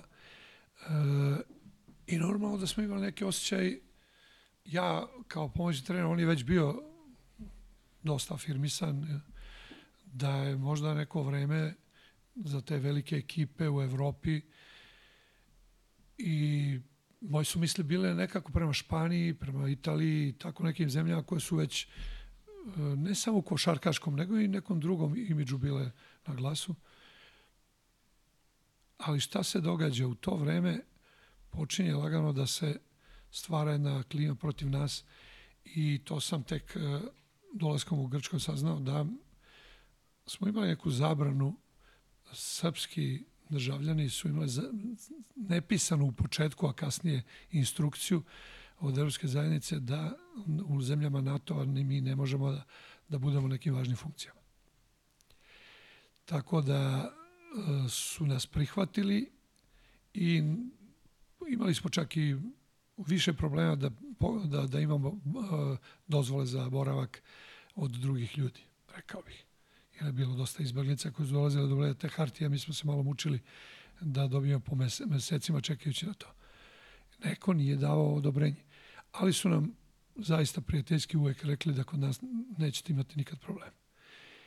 I to se na kraju kraja desilo i moj odlazak tamo bio je otprilike ajde sad nemam, nemam konkretno gde da idem raspada se naša liga, raspada se sve tamo Grci ti pružaju ruku, ja sam to prihvatio. Misleći da će... Šta više, razlog je bio i osvajanje te evropske titule iste godine. Mi smo osvojili Eurocup, gde su, kad sam učestvovao u tim pregovorima, pošto nije bilo menadžer u to vreme, ovaj, mo- samo jedan prevodilac, rekli da imamo premiju za drugo kolo. Pa su onda počeli da, za treće kolo, pa za grupu, pa I ja sam vidio da se to akumulira, pa pitao ovog pomoćnika, ali ovaj, ovaj to za, za ceo tim? Kaže, ne, ne, kaže, to je samo za tebe. Pa rekao, da ću mu ja premio ako osvojimo titulu. Ili pitan ko- koji je vaš, kaže, uspeh, kaže, nikad nismo bili u sledećem kolu. I onda, normalno, da nemaš te ambicije da osvojiš. Ali ipak se desilo. Osvojili smo taj evropski kup i to je, Beše kup sa porta, ali tako? ne, to je bio kup kupova Kup koho? kup kupa onaj stari keramički koji je Fasulac razbio onu kapicu pa su posle napravili e, uspešnu repliku imam je kući e, taj je uspeh na neki način e, odredio mnogo toga prvo meni da malo ozbiljnije iako sam se i tu sledeće godine nisam ostao otišao sam došao je Duda do duše i e, razmišljao da čekaj pa ovde se sad neke stvari bude i onda sam se vratio, ali je put bio iz početka pa posle ponovo dizanje. Šta sam teo da kažem? Ovaj, gledajući da, da, se, da pa, Paok i Aris kao veliki rivali e, se bore i stalno se tu vrte trofej. Uglavnom Aris je imao neku dinastiju, Paok je osvojio jedan kup, znaš, četvrte. Ali su bili rivali na tom visokom nivou. I ja sam ljudima tada već napomenuo, pa košarka će da ode u Atinu, pa to je, već me postojala ovaj SEF, Olimpi, što je Olimpijakos igrao od, od dvorana. Ovaka nije bila još gotova tek za olimpijske igre. Bilo je po meni bilo logično da, da ako krenu da odlaze veliki igrači, ako dođu e, pare, da će košarka otići i to se i desilo. Sad pričamo o Panathinaikosu, Olimpijakosu, taj derbi je u stvari bio Pao Karis. Ta godina je fascinantna bila, jer smo igrali sva tri finala i e, trofej taj je bio toliko neočekivan da pa kogod ode na YouTube može da vidi kakav je to bio doček na aerodromu i, i, i koliko je ljudi, kažu da je bilo 200.000 ljudi na, na, ispod Bele kule da se, oni, da se slave trofeji. A ja samo znam da od eh, piste, da, su, da je bila pokrivena ljudima, dok smo uzeli automobile do kuće, je bila masa, ceo špalir, znači koliko god kilometara da je bilo do, do kuće dok nisam stigao. Wow. Znači to je bilo nešto spektakularno i ne verujem da je ikad proslavljeno u tom intenzitetu, jer tad su to ipak doživjeli Grci kao Grci, a ne kao pauk. Uh -huh, I to je bila velika zl- razlika. Znam da su i u Atini navijači AEK-a proslavili to. Oni jesu na neki način klub iz istog eh, grada, to je Konstantinopolis. PAOK i AEK, jer ono, oni klubovi koji nose to K na kraju, oni po- potiču iz eh, Konstantinopolisa.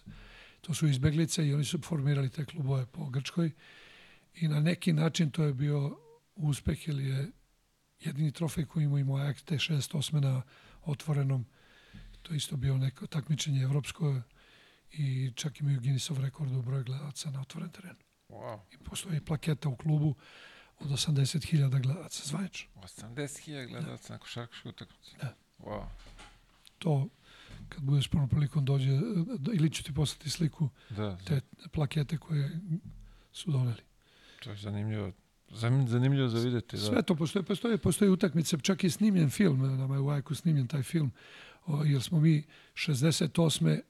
E, je postoje taj troje, na 50 godina tog trofeja mi smo igrali de- 18. E, Final Four u ove Champions Lige u, Atini osvojili, tako da je to bilo e, kažem, obnova trofeja 50 godina kasnije, a napravljen je film koji govori o celoj istoriji kluba, o izbeglicama, o formiranju kluba, o tim ljudima koji su pravili neke druge karijere i do ovog zadnjeg osvajanja trofeja koji nije stigao da bude u filmu, ali će sigurno biti u nastavku. Za, za sledećih 50 godina.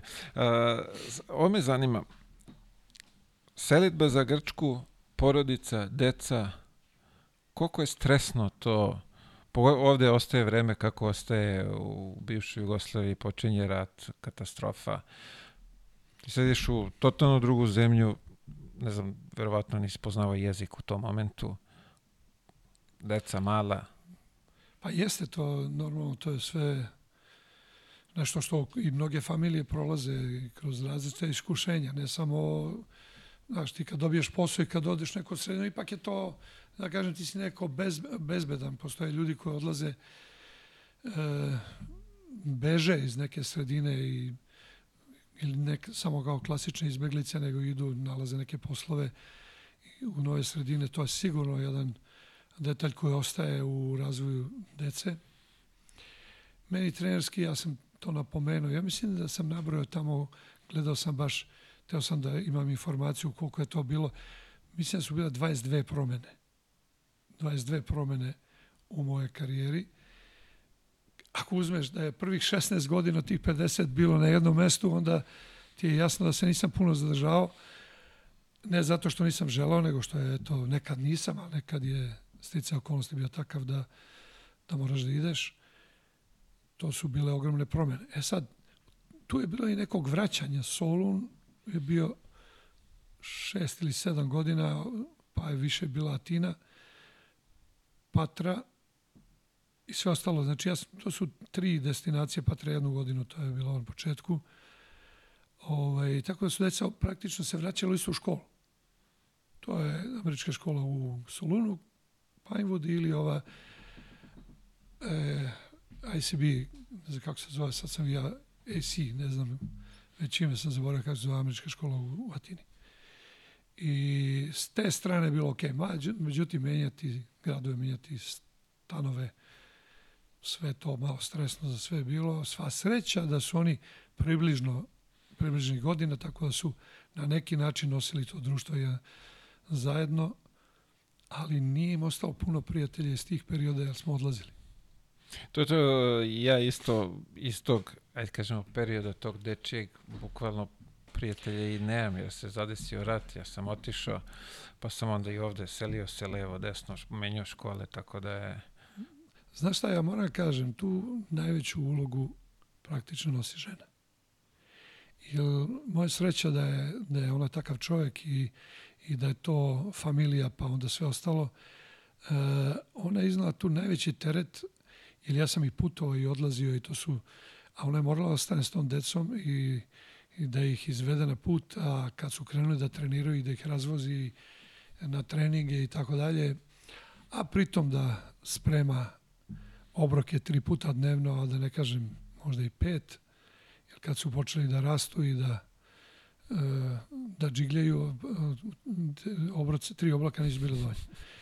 Prema tome sve to ovaj, zaista, zaista ovaj, treba njoj da zahvalimo i, i to je jedan moment koji naš, kad već spominjemo, e, sačuvati familiju u svim tim promenama i ostati normalan pri svemu tome je najveći trofej. Ništa iza toga nije ravno tome. Sad kad bi mi neko rekao, pa mogu si da osvojiš još deset trofeja, da si bio ovakav ili onakav, ne bi to menio nikad. Ostavio bi ovako i izabrao bi ponovo isti put kao što je bio. Mislim, svaka čast familije pre svega na prvo mjesto treba da bude svima nama, tako da ovaj, veliki respekt za, za, sve, za sve to što ste uradili. Uh, karijeru obeležavaju bar vašu velika imena. Uvek su tu veliki igrači oko vas. Uh, sad me zanima i, i ti neafirmisani nekako se vežu za vaše ime, od vas kreću, od, kod vas dobijaju te prve minute. Kako ih vi selektujete u tom momentu, prepoznajete taj talent ili, ili šta već? Pa, ne, interesantno, kada bi rekao neko, aj sad nabroj sve te igrače i ja bi vjerojatno se zaleteo za 3, 4, 5 i bi, bi im palo na pamet i onda stao da bi se posle ispostavilo, znaš, da ih je jako veliki broj. I dugo godina kad odem i gledam ovaj, na koji god Final Four odem, tu je neko koga sam trenirao. Pa čak sam i tebe trenirao jedno, u jednom periodu, pa makar i, makar i malo. Da. Tako je, bilo da. Tako je, da. Ovaj, Doćemo posle i do toga. Da, hoću da kažem, ovaj, to je zaista impresivno i ne možeš čak, znaš, nekako, kad sam bio mlađi pa me pitali e, ko, ko je naj, najveći igrač kojeg si ikad trenirao, a šta prolaziš kroz klubove, uvek ti ostanu oni zadnji, pa ne možeš da se setiš. Pa ja kažem, ne znam koji je, sad da kažem ovako, ali znam koji će da bude. Oni kažu, pa ko? Pa Stojaković. Ili je bio klinac. I ja, e, on je zaista izgledao da će biti igrač NBA i tako je bilo. Ali je to, to veliki broj. Ne kažem da sam ih ja našao ili otkrio nešto. Možda kod, konkretno kod Dijamantidisa je moj prst bio toliko što sam ga odabrao. Mogu sam da kažem ne, jer tu bilo i boljih od njega. Bilo taj Taputos koji je napravio neku karijericu, da kažem, koji je bio talentovaniji, bio je igrač te reprezentacije, ali nisam ga hteo. Ne zato što nije dobar, nego da što jednostavno ima i veliko obeštećenje i nešto mi nije odgovaralo u njegovom karakteru a ovde sam hteo. Znači, nisam ja doveo Peđu Stojaković, nisam ga ja. Ako idemo genetski, napravio ga otac i majka. I to će uvek tako biti. Mi svi možemo samo da pomažemo, da dorađujemo, da damo dobre savete i eventualno da učestvujemo oko odluke gde da ide. I mislim da kod Peđe, koliko god da je bilo i raznih uticaja, e, moja strana je bila NBA. I tu smo često bili u razgovoru, zato što je tadašnji general, manager P3, e, on je radio s Kapikijonijem u to vreme, oni su vršili veliki pritisak na mene, misleći da ja mnogo veliki uticaj ne na Peđu, nego njegovog oca. I sad ako neko pita, aj sećaju se sve one reklame Brkine kad je rekao Deta Amerika i tako dalje, oni sad meni kad sedimo kaže, ma ja nisam i tad teo da ide. Ostaje pred tvrdogoj ili je takav. Ovaj, ali je izuzetno drag prijatelj. Ovaj, on je bio protiv toga i to ne krije. Sad, u jednom trenutku u nekih razgovora da su vjerojatno i Kapikioni i mnogi drugi i šta znam ko sve vršio utisak da ja ne znam. Jednostavno, zadnji put mi je Peđa rekao, imao je taj težak prelom, On mi je samo rekao, ako budem otišao, ako ne budem otišao, nikad neću saznati da li sam mogu da uspem. Bra. I u tom trenutku sam ovako pomislio, on je to odlučio. Tako je bilo i svaka mu čast. On je uvijek znao da donese odluku i, i on je ovako jedan od jakčih karaktera koji sam u životu trenirao. Šteta što, e, znaš, kad ti dođe tako neko mlad igrač zadovoljstvo je da mu daš neki savet, ali ne stižeš da pokupiš e, onaj kajma koji treneri koji donosi do trofeja zato što je njegov put bio drugačiji, a moj drugačiji. E, od, od ovih naših, aj kažemo naših ovih sa bivše Srbije, bivše Juge, kako god. A, pored Stojkovića tu je bio Jarić, Gurović, a, koji još od ovih, aj kažemo, U grčkom prvenstvu ili tako uopšte? Tako je, tako, uopšte, uopšte dole, da se zadesilo. Pa sad, e, sad ja kad se malo okay, vratim ima Bane nazad, Prelić, da, tu, to je bio je tu i Stojko Vranković, da kažem od ovih, i bio Arijan Komazec, Komazet, ovo koji je kod, počeo da igra sa 18 godina, prvoj postavi, te godine je bio prvi strac lige. E, bilo dosta tih igrača koji se kasnije afirmisali i igrali u Grčkoj. Ja sam ja Komazeca 2002. doveo ponovo. On je već bio po su, pa je bio kod Ude u Olimpijakosu, pa je nešto probao NBA, pa nije uspeo. E onda sam ga 2001. na drugu doveo u AEK, ali morao sam da ga ovaj, otpustim u toku prvenstva, ali smo i osvojili titulu kasnije i, i taj događaj mi zaista nije baš bio najjasniji zašto je tako odlučio da ne putuje u Beograd na, na evroligašku utakmicu. I možda je bio pod nekim pritiscima i tako dalje, ali sam rekao ja sam me informisao pre i rekao da ja neću da putujem za Beograd.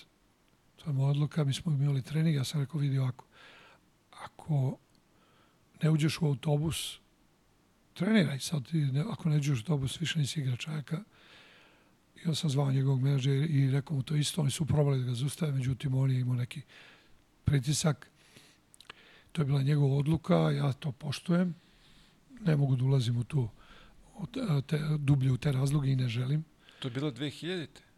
2002. 2002. 2001. na 2002.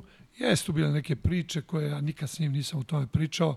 On je meni bio drag. E, momak kad, dok sam bio u Zadru i imamo neke događaje interesantne. Ovaj, šta se dešavalo na trenzima, a ovaj, kasnije u karijeri nisam toliko bio u kontaktu s njim, ali to je bio jedan moment u kome je on sam odlučio. Ja sam morao da ga otpustim i eto nije doživio to, tu titulu sa nama i ako mislim da je jako dobro igra. Uh, I bilo je normalno drugih igrača. Sad, znaš, više ti podsjećaš nego ja sam sebe što mogu. To je tako u razvoju. Veliki broj, veliki, i veliki je period Jeste, ali ja, a ja ponavljam, zaista, broj. pošto sam nisam ja dugo zadržao na nekim mestima, e, negde sam bio godinu dana s nekim, a ovaj, vez ostane dublja.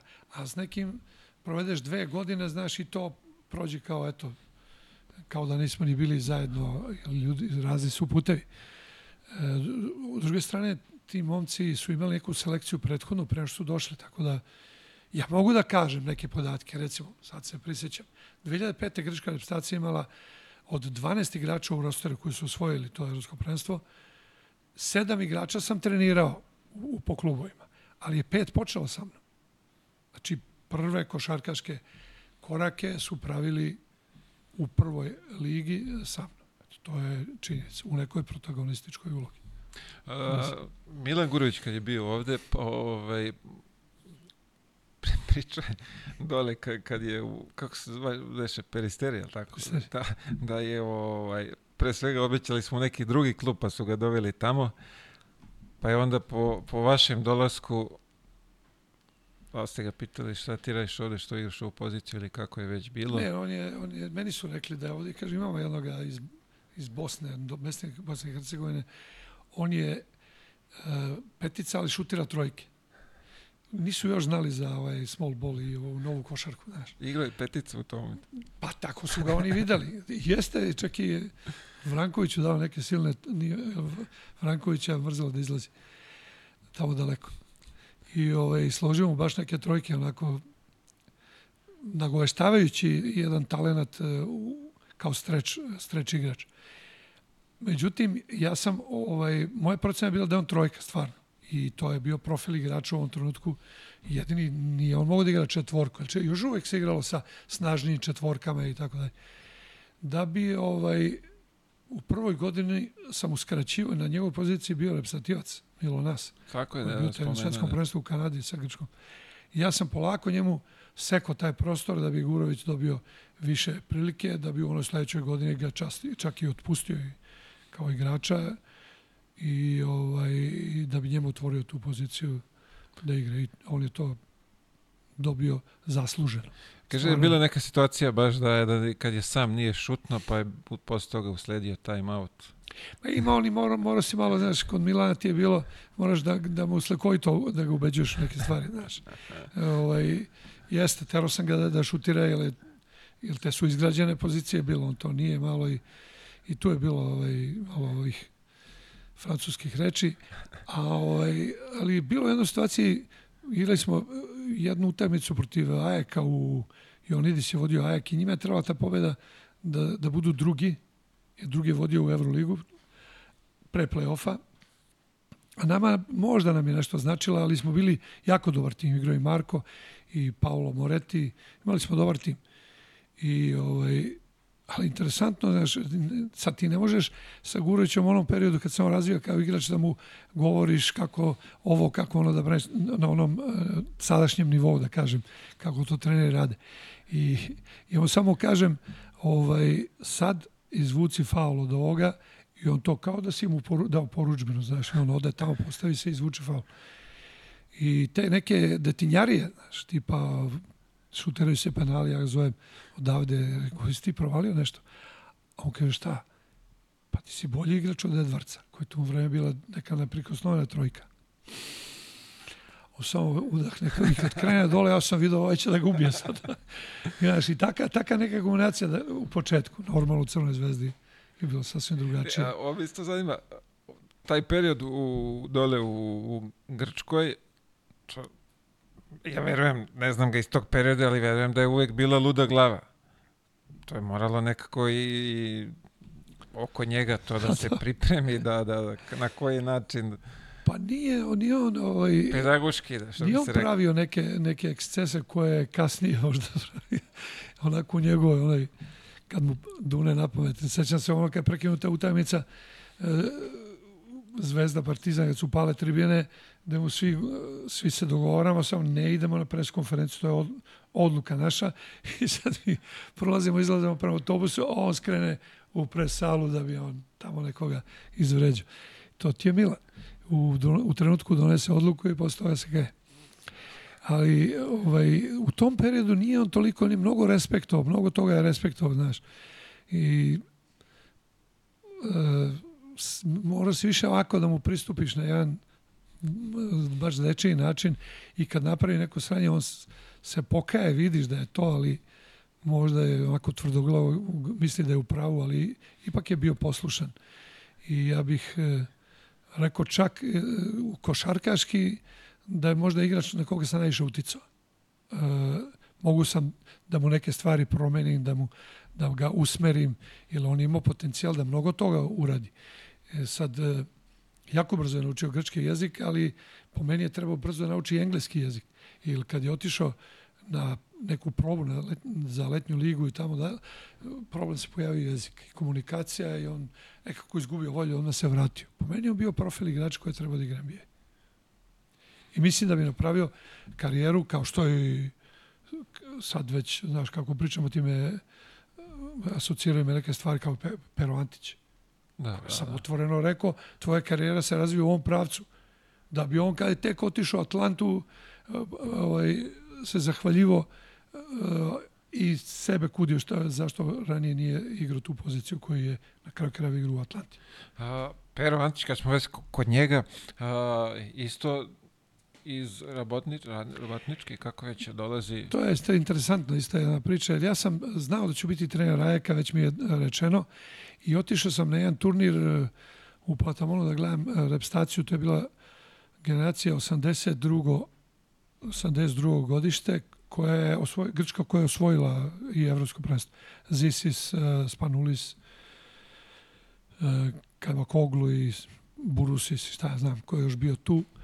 U stvari imali smo mi četiri igrača iz našeg tima Zajeka. I na tom turniru sam vidio Pero Antića. I ja sam bio fasciniran, on je bio prvi strelac turnira. I 84. godište, pošto je moj stari sin bio, ja sam znao tu celu generaciju u Evropi, rekao ovakav ne postoji. I pitao sam menadžera kako mi možemo da dođemo te i jednostavno mi smo ga kupili za 10.000 da su bile marke još uvijek, mislim da, da je bilo, to je bilo 2001. Da li smo prešli na evro, ne mogu se Može euro, da, može već bio. Uglavnom, mi smo njega kupili lako. E, kad je on došao, kad smo trebali da ga istavimo, ispostavilo se da je 84. godište. E, o, izvini, da je 82. godište. Je li pokazao, mora da pokaže pasoš. Za Evroligu pasoš moraš da imaš. I onda je bilo, ali opet i, i kao 82. bio je ovaj, zaista klasa. Ali se on stalno protivio, on sebe video kao neku trojku i sve, svaka gurenja ispod koša, jer on nema tu low post igru, nije imao na nekom nivou, on se tu protivio, bio je odvojan prema toj igri i onda sam u tom smislu ratovao s njim. Inače, isto bio jako ovaj, ambiciozan i ali bio ima neke povrede, stres frakture koje su malo umanjili njegovu uh, karijeru, da kažem, on bi mnogo ranije otišao NBA po meni. E, onda pravi odlazak je bio po meni Crvena zvezda, posle Crvene zvezde nešto do Rusije, pa ga uzima Duda i onda NBA. Sve to trajalo, ja sam mu rekao, viš koliko, si, koliko je trajalo da dođeš do NBA. A po meni to je imalo jedan kraći put, da samo da shvatiš da je tvoja budućnost bila streč petica i nešto malo i četvorka, on je u jako dobro igrao i kod Dude kao četvorka, ali kao petica je bio dominantan, zato što je bio brži, probojniji, a mogu i da šutne. I na kraju u Atlantic Hawks je samo to igru. A, meni je zanimljivo, kad je već ta centarska ovaj, linija u pitanju, Borusis. Ako se ja dobro tamo našao informacije, to isto ne, iz tih mlađih kategorija je, što bi se rekao, Jeste, iskopan. on je jedan od tih pet koji su počeli u on jeste bio tu u klubu selektiran i došao kao jedno bure sa nekom težinom i degenerisanim kolenima. Oni su mu napravili uspešnu operaciju na oba kolena i neku dijetu i on je izgubio mnogo kila i odjednom je počeo da trči, što nije radio pre toga. I za godinu dana, prve godine kod mene nije bio čak ni u 12, ali sledeće godine je bio zaista dominantan, jer se Idi Kudis povredio, a kasnije imao stres faktu, pa kasnije smo ga pustili, otišao, mislim da je otišao u Dinamo iz Moskve, pa kasnije u CSKA. Tako je kod Dude, da. Da, i ovaj, on je tu zamenio tu poziciju i jako dobro imao je. Čak sećam se u finalu protiv Panathinaikosa imao 17 skokova i to je jako brze ruke i, i on je očvrsnuo, a već je imao talent za te skokove i, i postao dominantan igrač. Kasnije se on baš razvio kako treba i dugo mu je trajala karijera i, i Dugo, dosta... ali dominantno, nije da. Karijera mu traje 20 godina, pa kao, ne, on je dominirao svo vreme do, dok se nije penzionisao. Jeste, mogu je da igra jako dobro u kontinuitetu, što je jako teško naći igrača da koji može u kontinuitetu dobro da igra. Jeste tu u toj generaciji bio i Zisis, koji je mlađi od njega godinu dana, a je, Zisis je recimo uh, imao je 18, 17 na 18, osim prve utakmice, sve ostalo igra u prvoj postavi. Te godine koje smo osvojili titulu. Ali on nekako bio odrasto, da će bio zreo. Kad ti razgovaraš s njim, ti vidiš da razgovaraš čovekom. I on, on je kapirao sve šta se radi, nije trebalo njemu da mu daješ kredit kao sad, kao mladom igraču. Ne, bukvalno je to zaslužio. A, svi oni su bili deo te šampionske ekipe. A, ali ja sam oduševljen tim čovekom bio kad sam prvi put igrao protiv njega, to je Jer Holden. Opet, U, da to kažemo, je to je neko je, to je iskopavanje. isto iz- priča. E, Holden je e, igrao tada u Ostendeu.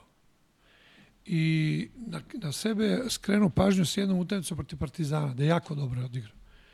Mislim da je Partizan vodio Darko Russo, tada ja sam ga tada i pitao baš nešto za, za Holdena, a iskoristio sam priliku baš sa srećkom da, da, da kažem šta ti vidiš ovde kao playmaker, on je rekao ovo je jako dobar.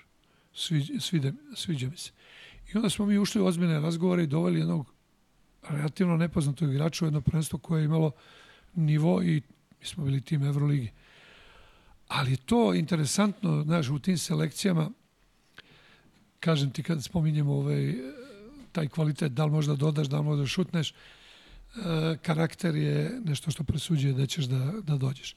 Gerard Holden je u svojoj karijeri igrao za, za 6000 dolara godina dana pre toga u Letoniji. 600 dolara mesečno. Ali je osvojio titulu. Pa je ostendao svoju titulu.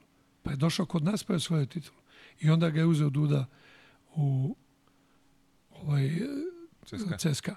I kad, znaš, kad, kad uh, pita k- Duda pre što ga je potpisao, možda ga po- ne, ne, nije ga još potpisao. Čekaj, bre, kaže, ovde ovaj šutira 28 po- ili 30% za 3 poena. Potpisuj, nije mu taj procenat kad se odlučuje. Kad se odlučuje drugi procenat. Razumiješ, ko on spa na ulicu. Da, da, pogledaš 30%, kad se odlučuje 65. Kad se Nevjerovatno. odlučuje mu je veći procenat. Ja sam imao priliku da igram protiv njega. Ja mislim da je baš Duda ih je doveo negde na pripreme sa CSKA ili tako. Ne, sećam se negde u Čačku smo igrali. To je bila pripremna neka utakmica. Moguće. To je neverovatno šta je taj čovjek radio na terenu.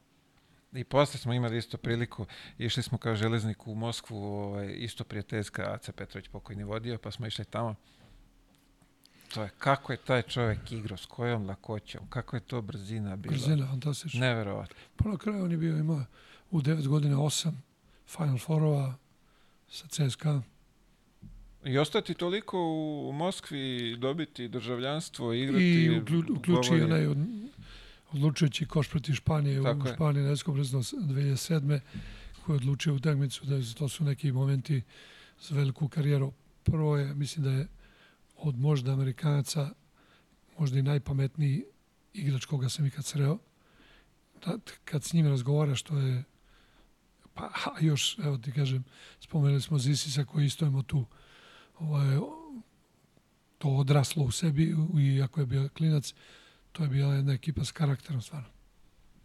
A, on je sad uh, GM, je li tako? Ne, Brook. Ja mislim da je on u Brooklynu, ne znam da li je u je Brooklynu. za- Je, je, je li on promenio, pa sam ja malo izgubio, videli smo se pre par godina zadnji put, ali mislim da... Ima neku Mislim funkciju da je u, Miloš s njim više u, Brooklynu. kontaktu. u Brooklynu, ima neku funkciju, Brooklyn sad je nisam, ni, ni, chief nisam- scouter je, mislim da je bio je, ili- da. Ili je bio, ono to zove, predsednik e, košarkaške košarkaške sekcije, ne znam Da, kako da, to da, već da. nazivaju tamo. Ali fantastičan lik. Ne, mislim, nisam imao Da, izuzetan mozak pre svega. Neverovatno, kak, kakva je to lakoća, ko je, ko je gledao, ko je pratio, to je a, neverovatno. Neverovatno. E, kako izgleda osvojiti titulu između dva velika giganta u Grčkoj? Pa, znaš, uh, ovaj, to je sad istorija. U ovom trenutku uh, mislim da smo mi bili i favoriti, jer smo završili prvi na tabeli. Ne po imenu, jeste AEK uh, bukvalno velika ekipa, u, to gleda sve kroz futbal i, i tu i u ovom trenutku je AEK prvog države u futbalu u, u Grčkoj. I ti si stalno veliki klub i publika je ista, ona tebe traži iste stvari. Ali je ta generacija nekako bila spremna u svakom pogledu da, da se bori za trofeje i mi smo završili prvenstvo sa samo dva poraza. Olimpijakos i Olimpijakos je bio treći, Panathinaikos drugi. Tako je bilo. E sad, šta se desilo? Ono što je možda na pomoglo. Ja sad ne, ne želim da umanjim ni faktore neke sa strane. Olimpija, a Panathinaikos je u Bolonju 2002. osvojio e, Evroligu i kao prvak Evrope vrlo brzo, ne znam koliko dana iza toga je morao da igra prvu polufinalnu sa Olimpijakosom. I ta utakmica, ta utakmica oni nisu mogli da pomere noge. To je bilo ne samo slavlje, to nisi stigao ni emotivno da se isprazniš, Da, da, da. ti si morao, oni su tu utakmicu izgubili.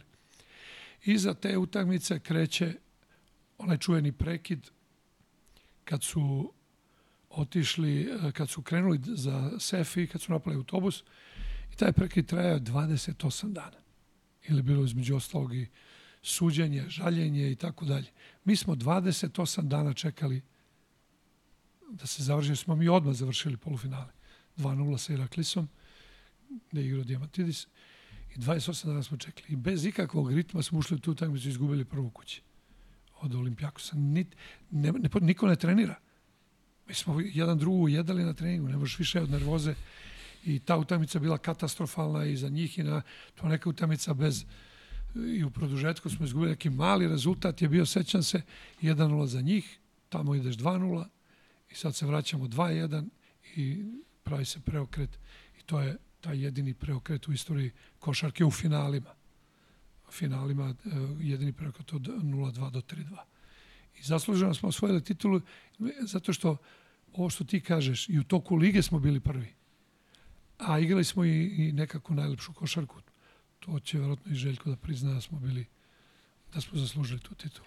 To beše, ako sam je dobro tamo isto ispratio, posle 23 godine... 32. 32. I verovatno proći I dodaje ovo resto. to, I proći će 2002. još... još 21. To, proći će 53. Koliko godina, da. Da, 54. Dok se ne obore ova dva velikana. Pa ne, sigurno će da... To će još da traje. Teško. Uh, ovde verovatno što je zanimljivo za, za sve ove moje pratioce, gledalce, kako god, je dolazak u zvezdu. Pa, vidi, pa moram to nešto da ti kažem. Ovaj, i, ja, kad ja dajem intervju, mislim da to nikom nije interesantno. Ta, taka sam vrsta karaktera. Da dođe moj prijatelj Muta da daje ovaj intervju, sigurno će svi da, da prate. Ili da ja napišem knjigu ili on da napiše knjigu, svi će da čitaju ono drugu. Kod mene nema sam... afera. Ima interesantnih stvari. A to A mi spominjemo u društvu. Ali, ovaj... A nije ni ovo podcast za, sa aferama. Ovde pričamo ovako, malo pokušamo pa obrazujemo, usmerimo i ispričamo neke ovaj, i šale i, i tako je, anegdote zanimljive. E, dolazak u zvezdu. Prvi ili drugi? Prvi, prvi. Pa prvi, ne znam, ima tu ovaj, dosta neke zemljivosti pre toga. Ili ja sam i ovaj, neke 2000 tačno 2000, kad Partizan igrao Final Four, to je bilo 2000, je tako, u, u Barceloni. Te 99. na 2000. 98. su oni igrali. 90. Ako se ja ne varam. Partizan. E, moguće. Samo... 98. Na kraju krajeva, kada je Muta smenjen u Partizanu, e, Ivica je bio, Ivica Dačić je bio predsednik kluba i on me je nudio da preuzmem. Ja mu kažem, vidi, ja, ja se ne vraćam, A on kaže, a ti nećeš da, da, da, da ćemo smenimo mutu. Pa vi ćete mutu smenite sve jedno. Ja vidim čemu, čemu ide ovaj put. A, I ne znam zašto. Znaš, ali ako već tako radite, nije, neću to, nije to razlog. Jednostavno imamo odluku, ne vraćam se, ne vraćam se. Tako da, i to je, to je bilo moje obrazloženje. Jeste Partizan nekom, nekim nevratnim spletnom okolnosti, došao u situaciju da se boli Final Four i otišao. Ali, ovaj, sad se pojavljuje ponovo ta godina gde u suštini prethodi jedna godina da sam ja njih odbio, Zvezdu, i došao je Miša Beko, i da li bio, nije bio Žeželj, još je neko došao s njim, došao privatnim avionom u, u, na, u Latinu, na Kifisi smo imali sastanak, mislim da bio i Miško tada, i ostavio sam i znao svoje razloge, čekao sam jednu veliku ekipu, I čak smo se bili dogovorili i eto to život je, odbio sam zvezdu se, iza toga se to pokvarilo. E sad kada je došla sledeća godina, kad se ponovo došla ponuda, već sam to mnogo drugačije i ozbiljnije gledao i pristao. A, ima neka, čuo sam da ima neka zanimljiva, zanimljiv razgovor sa Nešom Ilićem. tom dolasku. pa, Necko je, Necko naš drugar. Pa pazi, ovaj, on je jedna, ja mislim da će možda jednog dana neko pisati možda i praviti film o njemu, evo, ovo je fantastično šta on sve prolazi, znaš, koje vlade i koje države se opste, opste. tamo i ne zameljuju. I normalno, mislim, uvek mi je bio dragi. I sad, eh, ja kad sam došao da ovaj sad Steva i ovi svi malo najavljene su neke promene Znaš, I sad on je bio malo preplašen i videla se. I oni mu najave, ej Šalić ovde svašta da, da pravi. I, I mislim da smo išli u Sarajevo, da u Sarajevo bilo utakmica i ja njemu najavim nešto, imamo jedan razgovor. To je sad nastala jedna panika. Vratno je raspitivo se levo desno o čemu se radi. I bio neki restoran iza u hotelu i, i smo seli tamo. I ja ga gledam I on kaže, pre nego što mi bilo šta kaže, mogu ja nešto da kažem? šta? Ja bi sebi dao još jednu šansu. Znači, o čemu ti pričaš? Pa mislim, treba sam te pitan, gde su najbolji ćevapi ovdje u Sarajevu? A, kod Hadži, Hadži se, ovaj, ha, kaže, ovaj, Hadžić, kod Hadžića kaže, imaju one druge, ali ove kod Hadžića su mnogo bolje. Molim te, idi to završi, zvaću ceo ovaj tim da, da častim, ne, da ove rukovodstvo, idem kod eh, tog tvog Hadžića. A, dobro, dobro. Bio sam, malo, bio sam malo prepa, bio sam malo prepa. Već ima svoju spremnu priču da da sam sebi šansu. Da. ja bi sebi dao još jednu šansu. A, to je onako jedan zanimljiv period Zvezde. Pre toga isto o, aj kažemo, dobri treneri, zanimljiva imena, ali nikakvih rezultata. Ja mislim da smo i napravili jako dobar tim za kratko vreme, jer tu je dovođenje Gurovića se otvorila neka pandorina kutija odnosa sa njim, jer bio u Partizanu pre toga i, i cele te priče oko Draže. A opet s druge strane, on je kod nas bio bitan i jako je dobro igrao, ali smo imali i grupu igrača novih, e, pre svega mislim na Pero Antića, koji do duše je bio povređen, pa je tek za igru u play-off protiv vas, sećam se da jako dobro igrao. I e, pa na kraju i ovaj Steve Marković koji je imao srpski pasoš, pa Igor Milošević koji je imao i srpski i grčki pasoš. To su igrači koji su bili osveženje, relativno brzo smo skupili ekipu i dominantno smo osvojili onaj kup. E, I odigrali smo u finalu dobili smo Partizan i u polufinalu isto relativno lako, a da bi finale bilo još lakše i to mislim da je bilo preko 20 razlike sa Hemforom. Ali Partizan je tada bio dominantan u mnogim drugim stvarima, a imao je jako dobar tim i shvatio nas je odzbiljno. Ja bi se tu negde pre, do, do početka tih utakmica ovaj, mogu da pričam i za toga ne želim. Jel, sve ostalo iza toga više nije bilo regularno te tribine, padanje i sve to što se iza toga dogodilo, pritisci da ne igramo uopšte i, i to više nije bila košarka. I ja sam u suštini teo da odem te druge godine, ali sam bio vezan ugovorom i nažalost u drugoj godini došlo do mnogih promjena, pa čak i promjene vlasti, promjene strukture finansiranja u klubu, neki ljudi koji su bitni nisu više bili bitni i mi smo praktično ostali bez para nije, nije, nismo mogli da plaćamo igrače, počeli su igrači da napuštaju, tako da ta, ta druga godina za mene kao i da ne postoji u nekom takmičarskom smislu. Prva godina je bila izvaredna, trofej je bio, jedan smo osvojili, bili smo dobrom putu sa Partizanom koji bi jako dobar odigrali, da odigramo kvalitetan play-off, ali sve ostalo nije bilo ono što treba da bude da se završi jedno prvenstvo na način koji zaslužuje Partizan i Crna zvezda. Uh, sad ovako pričali smo velikih imena, tu ima mnogo. Uh, ne znam kako ćemo ih selektovati. Ajde ovako nek... Mogu da izabereš jednog najtalentovanijeg iz svih ovih 50 godina trenerske karijere? Pa, znaš kako, ovaj, tamo ono, na, na, na, na, kad vidiš kraj puta i kad gledaš, tu si najpametniji da kažeš nešto. Ovaj, pa dobro, najviše u karijeri je postigao Peđa Stojaković. Najviše je postigao. Ali kažem, to su uloge moje e, u njegovom razvoju su jako mali. Nisam ja tu nešto uticao puno na njegovu karijeru, obzirom da, da nisam dugo ni bio sa njim. I isto tako, ali mi te igrače napominjamo da smo bili u nekom i ponosni smo da smo bili u nekom periodu s njima. Pa, znaš, pa ako, ako gledaš talenat i ako gledaš karijeru celu, ovaj, kroz kriterijum NBA, to mora onda bude. Opet, s druge strane, imaš igrača tipa kao što je Panter na kraju kraja, koji je bio ispod radara svake ekipe smo ga pokupili u, u toj poljskoj ekipi, pa je došlo do tog nivoa. To su neke drage, drage, dragi uspesi. Ali da li bi on da je kao klinac bio u nekom programu bolje došao više? Verovatno. Možda bi čak i bio NBA igrač. onda ima tu sad stvarno ovaj, mogu, to, znaš, to, to, to, treba puno vremena za to i generacijski je to čovjek poslaže e, čvrstinu neku koju je dao stalno, ne po brojevima, bio Zoran Savić. Neku igračku dominaciju odbrameno je bilo recimo Juro Zdovc. Znači uvijek možeš da guraš neke karakteristike e, šta više e, na toj gomili igrača e,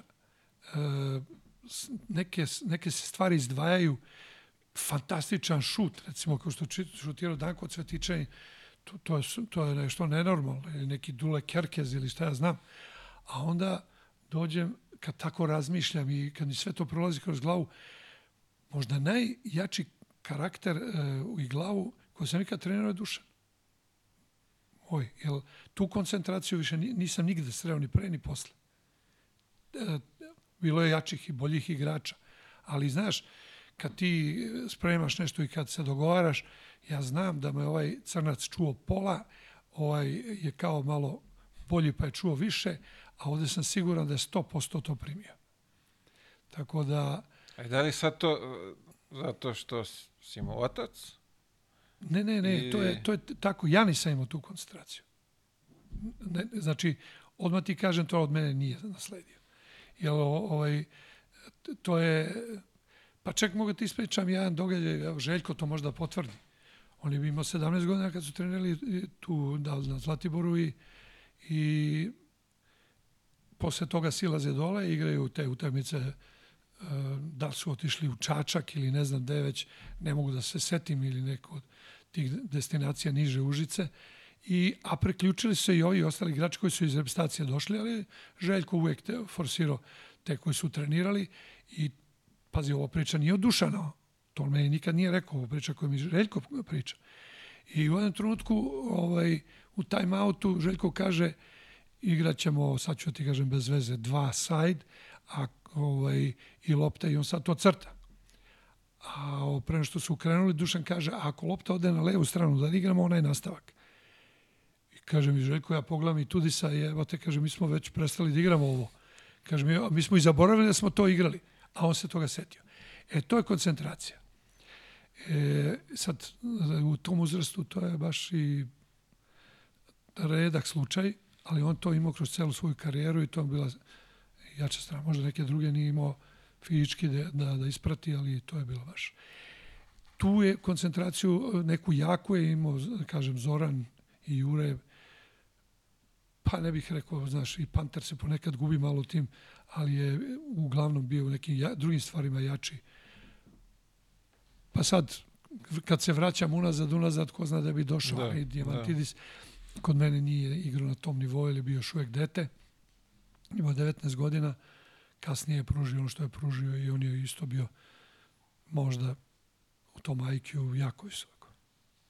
A, zanimljivo mi sad ovde, Dušana, spomenješ, kako je gledati I Miloš je, da ne zaboravimo i njega, i on je imao ovaj svoj, svoju karijeru. A, kako je gledati decu a, da rastu u poslu kojim se ti baviš, a da su na suprotnoj strani?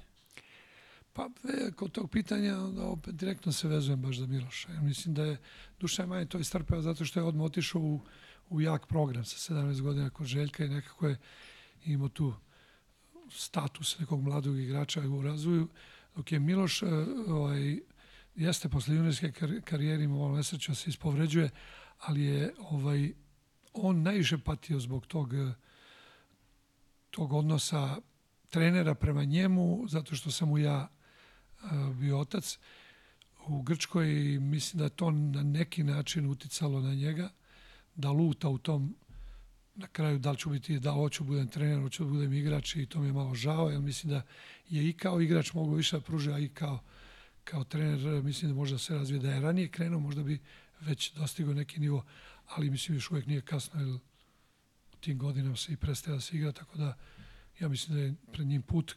Nadam se da sad kao trener ne, ne vidim da mu, moje ime treba predstavljati smetnju.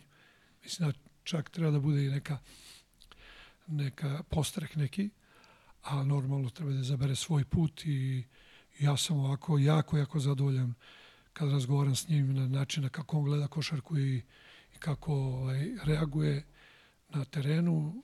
Preto, pa, pretpostavljam da će i želimo normalno da dostigne neki nivo, ali da ne bude žrtva košarke, nego da on to radi zato što to voli. A, je pitao za savjet? Pa često razgovaram, ne u smislu u tom, ej, da li treba da uđe ovaj ili onaj, to, je, ne, to ne, on često otvara te teme i to je jako, jako dobro. E, kako bi ti branio ovo ili kako bi e, selektirao ovo ili šta god razgovara i to je nešto što, znaš, svi mi nadovezujemo se na početku. Ne samo što svoje deci bih hteo da dam najbolji savjet i da, da dam tačno mišljenje, nego svakom koga interesuje da sazna nešto o košarci, neko ko je zaljubljenik u košarku i ko mi neko iskustvo želi da, da kaže. Normalno, sve više razgovaramo i mislim da, da je to prava stvar.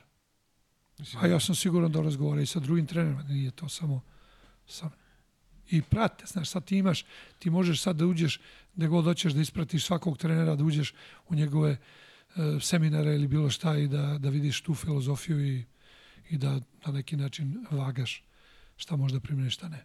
Mislim i sad je dostupnost svemu je Kako mnogo da lakše nego period 90-ih, 80-ih i to. Tako da. To je nama moglo da skrati karijeru u smislu da dođemo na nego mnogo brže. Uh, kako je bilo trenirati sina u ekipi koja se bori za, za trofeje?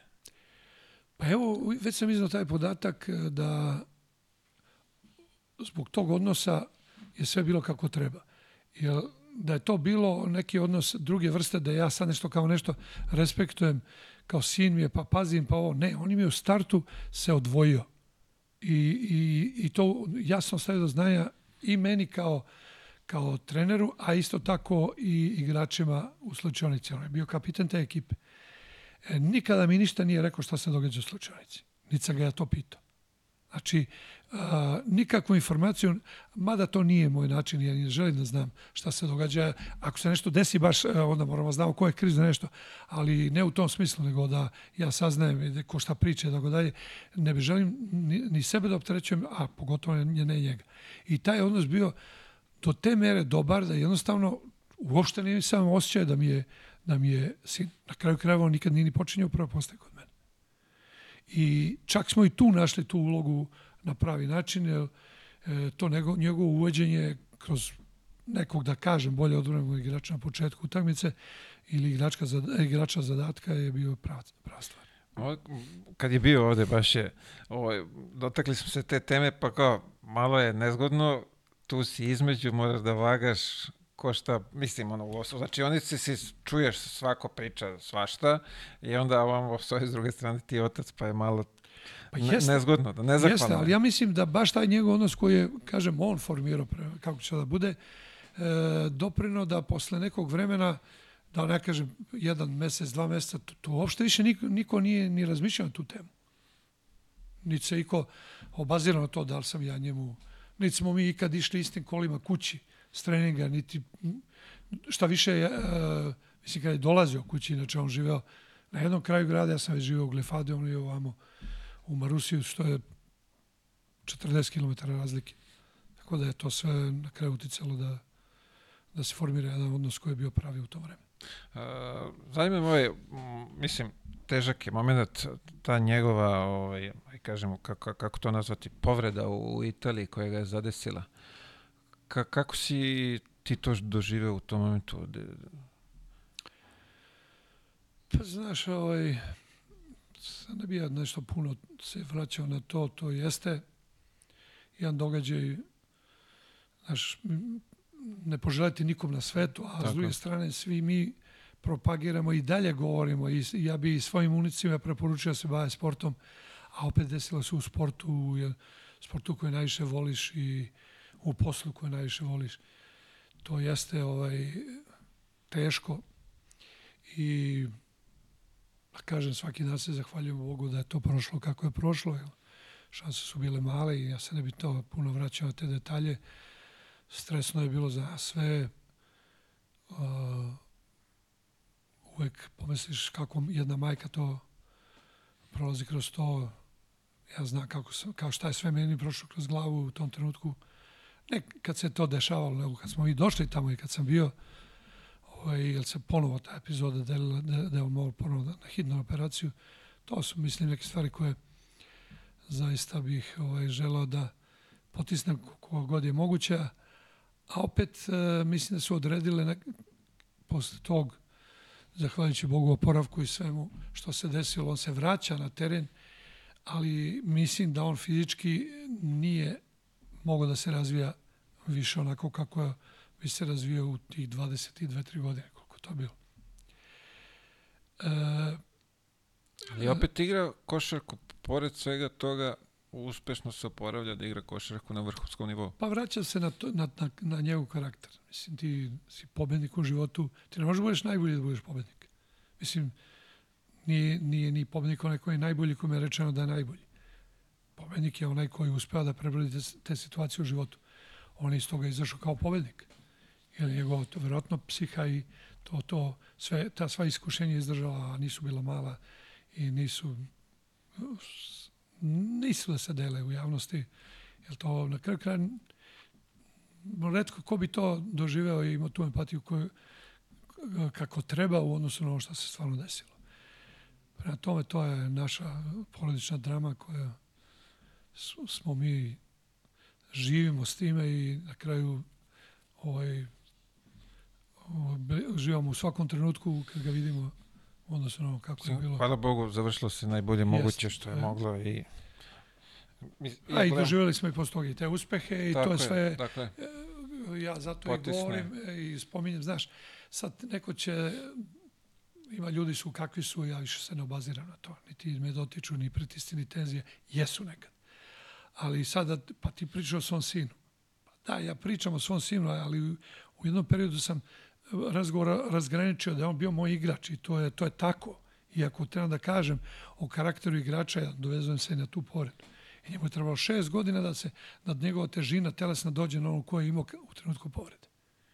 Znači, to je jedna borba sa organizmom i tako dalje i da on dođe tu, da, i, i zna se zašto. Nije ni mogao dok se sve funkcije nisu proradile kako treba. Uh, što bi opet ponavljam, prošlo je sve, hvala Bogu, kako treba. Ja sad gledam moju decu, pa, pa kad padnu, zaboli me, pa nije mi sve jedno, mogu zamišljati daleko bilo. Uh, idemo na malu ovu našu rubriku reprezentacije. Selektoru, uh, asistentu u više navrata, uh, u taj period me zam, pre svega me zanima 2005. godina. Pa, pa znaš, nekako kod nas je to bilo neko kao nepisano pravilo da se nasleđuje taj, da su pomoćnici bili predodređeni da budu selektori i e, posle Dudinog osvajanja znalo se da će on tu duže da se zadrži, ali ja sam bio u tom programu. Međutim, moj odlazak u inostranstvo u onom trenutku pravila su bila da kogod uh, radi u inostranstvu ne može da radi u reprezentaciji. Kasnije, sledeće godine to promenio. Kad je Duda preuzeo Paok, onda je to dozvoljeno. Ali u tom trenutku nije i ja sam izašao iz tog programa. I šta hoću da kažem, uh, normalno da su moje ambicije bile vezane da jednog, jednog dana to preuzmem. E sad, umeđu vremenu Željko je postao trener koji je napravio rezultate i, i on se tu pojavio kao neminovni faktor da jednu, jednu trenutku postane trener reprezentacije i to se desilo. Onda je on sarađivao sa Dudom u tom periodu. Kad je Željko meni rekao 2004. godine da sarađujemo zajedno u reprezentaciji, ja sam to prihvatio sa velikim zadovoljstvom, a iako mi je ono, ako pošteno rekao da mu je neprijatno obzirom i da sam stariji i sve to, da me smatra pomoćnikom, ali to je tako. I normalno, mislim, jako veliko poštovanje prema Željku u svakom slučaju. E, to se desilo i bili smo te dve godine koje nisu bila sjajne, ali sad da preskočim to, da idem na ovu e, sledeću godinu u kome normalno posle svega što se dešavalo u Novom Sadu i tih nek, nekog odnosa prema reprezentaciji koji nije bio uh, onaka kako mi zamišljamo odnos prema reprezentaciji, ja nisam nikakvu želju da budemo u reprezentaciji. E, onda smo krenuli, Kića tu bio ovaj faktor koji je najviše insistirao da preuzme reprezentaciju i razgovori su tekli u, otprilike u tom pravcu ok, mi ćemo dobiti wild kartu, mi ne možemo sa ovom reprezentacijom da pravimo ništa, zato što momci kao da ne žele da igraju jedan s drugim, ne moram spominjem imena, i na kraju ajde da probamo to da izlečimo, pa da napravimo jedan drugi tim koji je bio baziran više na igračima koji igraju u prvenstvu i sa nekoliko mladih prospekata, pre svega da misleći na, na Krstića i Miličića, su oni u to vreme igrali u NBA-u, koji bi bili neka, neka, neka naša uzdanica, u, što je bilo logično. I stvarno smo je tako nešto i napravili. Kostur ekipe koja je bio baziran sa igračima ovde, gde je po meni Jorović bio dominantan, gde je, šta znam, Cvetković igrao e, na nivou što je igrao Lazić Trove zvezdi, pa da ne kažem u onom trenutku za one prilike i, i bolje u interesu reprezentacije. E, imali smo jednu kompoziciju sa Aškarovićem koji je bio lucidan igrač i tako dalje. Imali smo jednu kompoziciju koja je mogla da napravi jedan solidan rezultat i da izleči to neko naše stanje, da se vrati ta želja za igrom na reprezentacijom i da, je, da, da sledeće 2007. godine, je to peta na šestu, šesta na sedmu, da pozovemo ove sve starije, jer se, se dogovorio s Peđom u jednom trenutku da bi da se preskoči ova akcija, a da one sledeće ovaj, se on priključi ovaj, za, za Evropsko prvenstvo u Španiji.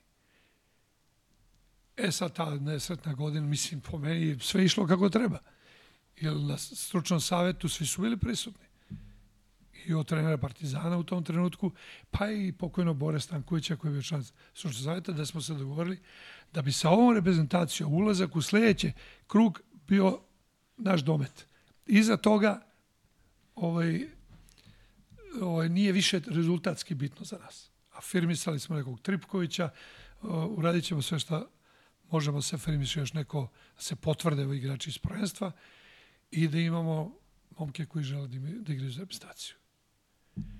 I šta se desilo? E, pre svega, ono što je odlučio sve, to je Krstićevo, hoću, neću, hoću, neću, Čak smo išli kod predsjednika države, da smo svi na neki način, jer on je bio vrlo bitan za nas u tom trenutku, da je na kraju on odlučio da ne dođe. Pod parolom ne želi da se podvredi, novi ugovor se potpisuje, sve to mi razumemo. A na kraju, bre, dečko, ti se iza toga povredio. Nemoj da prizivaš. Ja mislim da je svako treba da dođe i da odgovori da igra za repstaciju u, u trenutku u kome se on nalazio. To, to je moje mišljenje bilo. I ali on, on, on je bio dominantan igrač tada i mogao je mnogo da nam pomogne da napravimo jedan solidan rezultat. I iza toga idemo na, ti si bio isto tu pre, aj, prisutan, video si nesretna povreda Cvetkovića, koliko je pršljena slomio, pa onda Jorovića leđa, njega nismo imali nikog pomoć, pa onda Aškrabić i tako dalje. Sve su otpadali igrači koji su bili jako bitni u reprezentaciji da bi na kraju igrali u nekom sastavu koje nismo predvideli, u onakom ruiniranom broju igrača i da nije bilo te, ne, te nesretne prve utakmice da smo igrali sa Nigerijom, da nismo nikakvu informaciju, oni su igrali zatvorene negde, trenirali u Americi e, i to smo celu utakmicu vodili, na kraju izgubili, to sve NBA igrači bili. Ali desilo se, maksimalni plasman je bio na kraju četvrto mesto u grupi da, bi, da smo se ukrstili s prvim iz one grupe. To je Španija. 12 razlike smo izgubili, neka borba je postojala i ispalo da je da više nismo svetski prvaci. Pa to smo znali da nećemo biti. Tako smo najavili. Išli smo nekim drugim ciljem. No kraj kraja prešli smo u tu drugu fazu. Ali niko to nije i niti sam ja se ja nešto posebno truždio to da objasnim i kome da objasniš više. Narod ima pravo da traži najbolji, da igraju najbolji, ali ovo je trebalo da bude jedna faza u tom prelasku prema najboljima koji sam video da ne žele da ispoštuju da sam sam podno ostavku početkom sledeće godine I desilo se šta se desilo. Mi smo otišli sa teoretski nekim najboljima i nismo ostvarili ni jednu pobedu od tog evropskog prvenstva. Znači, pro, pro, proces nekog lečenja nije se završio, a krenuo je dobro. To su neke moje ovaj, observacije. Ja se nisam čak ni puno vraćao na, na toj period, zato što znaš, imaš neko, neki san u toj reprezentaciji, smatraš da ta šansa treba da dođe u nekom drugom vreme, vremenu, desila se u nekom lošem tajmingu i, i nekom nerazumevanju za ono što smo teli da uradimo. A kad već pričamo o tim, aj kažemo, krletovim ne, ne, ne pojavljivanjem u reprezentaciju, to po, posle je malte ne usledilo normalno. Mislim, nije to ni od njega krenulo da, ne, da me ne svate pogrešno, ali evo imamo i dan danas priliku da ovaj, situaciju da, da se pojedini igrači ne, ne odazivaju. Pa znaš šta je, ja sam i u tom periodu bio angažovan u reprezentaciji u nekoliko akcija. Jedna od tih je bila Evropsko prvenstvo u, u Francuskoj, da je igrao Saša Đorđević. 99, tako? Da, povredio se i Saša Obradović se je pukla mu Ahilov Mi nismo imali playmakera, maltene u toj. Igrao je, ja mislim da je Lončar nešto se e, mučio na toj poziciji koja nije njegova pozicija i, i bili smo treći, što je realno uspeh, e, obzirom na to što se događalo. Pa dogodila se i ta peđinona infekcija noge, da su se desilo to da je ono morao da odsustuje tu jedan period veliki, pa se priključio na kraju. Znači sve u svemu bilo je tih otkazivanja i ranije i kasnije i, i opravdanih i neopravdanih. Ali jesmo mi, da kažem, i kao država prolazili kroz neke faze gde su interes tih igrača se na kraju krajeva postojali mnogo lični. Više reprezentacija nije bila prilika za afirmaciju do te mere, ako si se već afirmisao u Euroligi u svom klubu. S te strane, to mogu da razumem, a ne mogu da opravdam. Ali mogu da, da objasnim, kažem. Kroz to. Ali ne mogu da opravdam. Mislim da su mnogo više trebali da dolaze. Pa bilo je, svi, svi naši igrači su otkazivali. Ja mislim da koga god više velikog igrača da spomenemo, da će biti jedna akcija u kojoj nije bio. Pa ne, sad, evo ovde sad imam situaciju sa Jokićem, najbolji na svetu, ne pojavljuje se, ali kako malo bolje zakop, zagrebemo unazad, naći ćemo brdo igrača koji se nisu pojavljivali u tim nekim fazama. Pa, dobro, tako, ne postoji čovjek koji neće kaže da mu, da mu nije žao što Jokića nećemo gledati, jer stvarno je toliko dominirao i toliko je mnogo uradio u, tom, u ovoj godini u NBA-u da jednostavno svima bila želja da se pojavi. Sad pitanje je kako bi on izgledao posle svega toga i tih napora koje imao i da li bi on imao dovoljno volje da igra i pitao je na neki način ljudski, ali razlog za otkaz zavisi kako ga tumačiš. Prošle godine je bio, mu se porađa žena, to jeste Ne, ovaj, prošle godine je nastupao na... Molim? Prošle godine je nastupao, pretprošle. Pretprošle, da, da pretprošle, izvini. Pretprošle, da. Da, mislim, uvek ti možda nađeš neki razlog. Pa su onda, evo sad, ovi momci, ovi mlađi, ne znam šta je njima razlog što nisu u ekipi, da li su povređeni, mislim, na Pokuševskog ili... I mislim da neka povreda, ona vuče povredu iz, iz sezone još, da to nije, da, da mu klub ne dozvoljava, da, da nije to, aj, da, on je stvarno oporavak, da nije sproveden do kraja. Jeste, žao mi što ne, nikako da, da se sastavimo kako treba. Evo, pa, pa na kraju i ova, ova finale što smo izgubili u, Turskoj, mislim da smo nabrali osam igrača koji, koji su trebali da budu tu i nisu bili u tom trenutku. Uh, igrali smo finale bez playmakera, se i Jović povredio. A na drugoj strani Dragić i, i Dončić u, ovaj, u najavi svoje velike karijere. Ha, šta možemo da očekujemo na ovom svetskom prvenstvu sa, sa ovim rosterom koji je trenutno? Pa, više bih ja se ovaj, rekao da šta, čemu da se, da se nadamo, da želimo nešto, nego šta da očekujemo. Dobro, čemu se, se Realno, nadamo? Kaže, očekujemo, to već ide u domen realnosti, šta mogu oni da naprave. Ja tu stvarno više nemam, nemam u prvo kraju kraja ne znam ni ostale reprezentacije da će u kakvim sastavima idu. Vidim ja i kod Grka nekih otkaza silnih e, koje su ovaj, igrači bitni za, mislim, pre svega Kumbo je zaista igrač koji menja čitavu hemiju ekipe. Ali i Dream Team dolazi kako dolazi, ne znam, Kanadjani čas neko dolazi, čas neko ne dolazi. To isto mnogo zavisi kako ćemo da izgledamo mi. A sve u svemu, vrlo je bitno kad dođeš na jedno takmičenje da ne klecneš na prvom što se desilo nekoj neiskusnoj ekipi nama tada, izgubiš jednu utakmicu, onda ne možeš da ne doknadiš. I, I onda zadržavajući prvu poziciju ti imaš sve perspektive da napreduješ kroz četvrtfinale i polufinale, držeći se onoga da igraš protiv relativno slabijeg od sebe. To je jedino što eto, se nadamo da će se desiti. He, Ali to je dobar po... tim, nema dileme.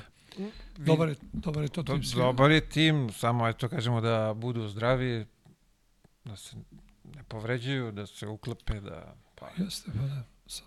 Ne krenu da prođu u drugu fazu Jes, pa ne, ne, ne, ne treba otvarati temu gde se mi u ovom trenutku nalazimo kao košarkaška sila i pa. nema da nas zavara jedan rezultat mlade selekcije, jer ostale mlade selekcije da to ne prate, prema tome mi jesmo u nekim problemima i nemoj mnogo da, da zavisimo od jednog rezultata. A mislim, složit ću se, nismo na dobrom putu, sigurno, poslednjih ozbiljan broj godina, da se ne lažemo, ali dobro. Vreme ispred nas pokazat će. Možda nije uh, tema za podcast. Tako je, da, možete, to ćemo negde u skafu. Uh, imam dva pitanja. Uh, najteži moment u karijeri?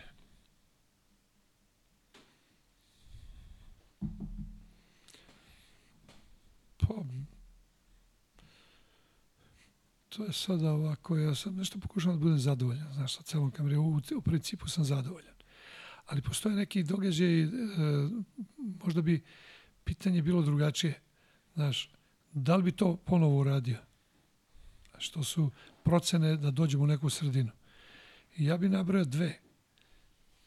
Ne bih se vratio u PAOK 94. godine, to nisam, nisam smeo da uradim, ali me vuklo zašto sam otišao. I ne bih došao u Olimpijakos a, te 2003. na četvrtu. To su dve situacije gde jednostavno tako su se iskomplikovale stvari u tim sredinama da jednostavno ja nisam trebao da idem tamo. To su momenti za koje čovjek onako žali, osjećam nešto što, znaš, kao sebe smatraš, pa nisi glup, zašto si to uradio? I s tog aspekta gleda. Inače, kao nešto najteže, šta, pa izgubiti jednu utakmicu. Pa ja kao, kao mlad trener, e, kad sam došao u PAOK, mi smo izgubili Košem Janakisa s 10 metara finale play-offa u ligi u kojem možda nismo očekivali da budemo konkurentni, ali desilo se to, eto, na grešku Fasulasa da loptu, ovaj, odnosno Kenny Barlova, teo da doda Fasulasu bez veze, pogrešio, ovi su presekli loptu i Janakis je dao trojku u zadnju sekundi i to je poraz. To je jedan ovako težki, težki, tež, težih momenta, ali mi smo već bili osvajači Evrokupa, tako smo na neki način imali zadovoljstvo. Uh -huh, uh -huh. Tako da ne mogu da kažem u toj godini da sam ja bio ovaj, nezadovoljan kad imaš jednu evropsku titulu. Da, da, da. Ali je, ta, bi, ta titula bi bila nešto što niko, da i ovo niko nije očekivao, nešto što stvarno bi se graničilo s nemogućim, jer tu je bio i Galis i Anakis i svi su bili tu. I eto, možda taj, taj, taj moment te utakmice nešto što, znaš, kad ne zavisi od tebe, a desi se, a pre toga je i bio time, sve je dogovoreno, nekako, eto, to su neki momentumi kad nekom igraču bukvalno dođe ona zavesa.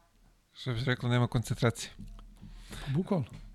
Uh, savet za mlade i trenere i igrače i roditelje i sve što bi se reklo se obuhvati u... A, znaš kako, ja imam prilike dosta da, da razgovaram s roditeljima, stalno pitaju, e, imam sina, ovo, šta bi ti ovo...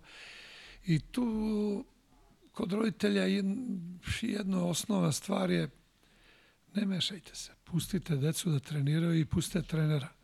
Nemojte da tražite vašeg trenera, jer ne može niko da bude vaš. To dete ima talent, ima karakter pa, niko, e, sport, ja čak imam jedan natpis u sobi, sport e, ne, gradi, ne može da izgradi karakter, ali može da ga razvije. Znači, e, dozvolite detetu da se kroz timski sport, ako se već bavi timskim sportom, o njemu pričamo u trenutku, da se da stiče društvo, da nauči kako da, da osjeća jedan prema drugom u, u, u toj igri koju zovemo timsku, kad treba dodati loptu, kad treba napraviti nešto drugo. E, znači, da se ta nesebičnost e, e, stvara kod dece, da e, imaju taj osjećaj timske igre, a da ne beže od svoje individualnosti, znači svoj, da ispoljavaju svoju individualnost tamo kad treba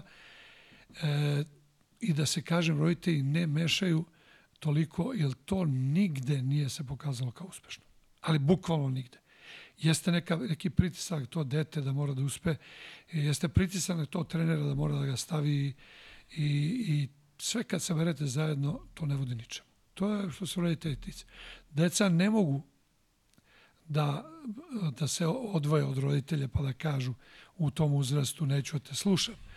Ali je lepo da vole sport, lepo je da probaju više sportova, da vide u kom pravcu mogu da ode, da e, na, uz pomoć trenera koji je specijalista stvarno otkriju e, koji su to kvaliteti, da li je to odbojka, košarka, sve, sve su to lepi sportovi. I ako je to košarka, da onda zaista to zavole e, i da e, nikad ne posustaju kad ne iđu prvi neke teškoće i kad neko e, proziva zašto nisi ovo uspeo. Pa na kraju krajeva imamo i od najvećeg primer koji nije bio selektiran Michael Jordan pa je doveo onoga što je ušao bez njega u selekciju kad ovoga kad je bio Hall of Fame. To su istinite ljudske priče i, i čovjek mora uvek ovaj, da prenosi ta iskustva na decu i da im govori da, da moraju da istraju. Iskušenja su velika i ona su u suštini, ta iskušenja su naš put. Jer ako je sve ovaj, asfaltirano, onda to nije put. Nego ti sam sebi gradiš i, i tako se razvija tvoj karakter, a on je taj koji odlučuje gde će se stigneš. Kome još treba da damo savjet? Roditeljima, sve neko deci i trenerima. Ako trener, znaš kako, ovaj, ono što sam rekao, Željko se spremao. Ako neko nije još trener, ja mogu da kažem, počni da se spremaš kad osjetiš da će biti kraj karijene. A onima što su već počeli budu treneri, nikad nemoj da budeš neko drugi. Jer mnogi su zalezivali kosu kao Pat Riley. Nosi su, nosili su i radili neke stvari, skakali, udarali nogama u Grčkoj kao Joanidis. Pa, znaš, imaš tih e, prototipova koliko hoćeš. Na kraju krajeva, e, mnogi treneri čak i u, u uzrastu, to sam u svojim očima video tamo nekim pripremama, gde, gde trener trenirao neku decu koja ne mogu da dobace do koša loptu, pisalo je Transition by Obradović. E, to su smešne stvari i, i mislim da takav e, učitelj ne može da bude nikad trener. Znači, sve u svoje vreme, ta deca imaju šta treba, ka, i kad treba da ih učiš. Nemojte budete neko drugi, budite ono što vam e, tvoja ličnost daje. Znači, ako sam ja osam godina gledao Ranka Žerevicu i koji je bio neprikosnoveni autoritet, pa ne mogu ja da se ponašam i da radim stvari koje radi on, zato što to bio njegov karakter. Moj je bio jedan drugi. I ako iz svog karaktera izlačiš i budeš ti ono što jesi i potpuno prirodan, a autoritetivan sa znanjem, svi ćete poštovati. I, I treneri moraju redovno da se um, obrazuju u svakom pogledu. Pogotovo ne samo sa košarkaškim znanjem, nego ponašanje i učenje stranih jezika, jer bez stranih jezika nema više komunikacije. Nismo više, ovaj, mi smo čak i u nekim nižim selekcijama upućeni da imamo strance. Ne govorim samo za nas, govorim za trenere uopšteno, znači ako je to Španija tamo ili Italija, vidio sam crnaca više nego uh, momaka koji su talentovani dovedeni iz Afrike i tako dalje. Ti znači mora da komuniciraš s njima, oni prvo nauče engleski jezik, pa onda to tako ide i, i ja mislim da je taj jezik jedna prepreka koja je mnogim našim trenerima uh, na, na neki način uh, sprečila da naprave bolju karijeru. Lepo rečeno. Uh, za kraj Šta ima kraj? Za kraj. Uh, ima i ovde kod mene, zna da, da, da se završi mislim, u neko određeno vreme. Uh, kad s ove distance, šta je košarka donela? Pa, znaš kako, ovaj, svi smo mi, kad ono, kad krećemo kao deca, verovatno videli loptu futbalsku prvo, pa onda sve ostalo. U nekom trenutku ne znam kojom magijom se to razdvaja, pa ide i na ostale lopte. Ali o, ona je u početku bila e, strast, znaš, ti sad vu, lopta te vuče, taj, ta magija davanja koševa i, i kasnije ona kad postane kad postane i, i profesija, ako nije kombinovana sa ljubavlju, neće dugo ni trajati. Znači, ona postaje i deo života. Znači, kod mene ona deo života i tu sad više nema, ja mogu da mi daš da radim nešto drugo, ali ovaj deo se nikad neće promeniti, to ostaje tako. E sad, nisam ja tražio, niti mi treba tražiti ovaj, pod obavezno tu ekonomsku stranu našeg posla, ali ona dolazi sama o sebi kako si ti uspešan ili kako se slože neki momentum i da u datom trenutku uđeš u pravu ekipu, pa ona bolje plaća neke druge. Znači, o tome nikad ne bi razmišljao. Znači, ideš i gledaš da li je to šansa da pokažem koliko znam, da li je to šansa da treniram neke dobre igrače i tako dalje. I ona postaje deo života i to je sad više, ja ne znam gde to može da se razdvoji. To je sad jedna celina i ona putuje do kraja. To je košarka. Sve lepo rečeno, objašnjeno. Uh, sad stvarno, za kraj, uh, može ovde jedan potpis na ovu loptu. Ko da ne? Skupljamo potpise.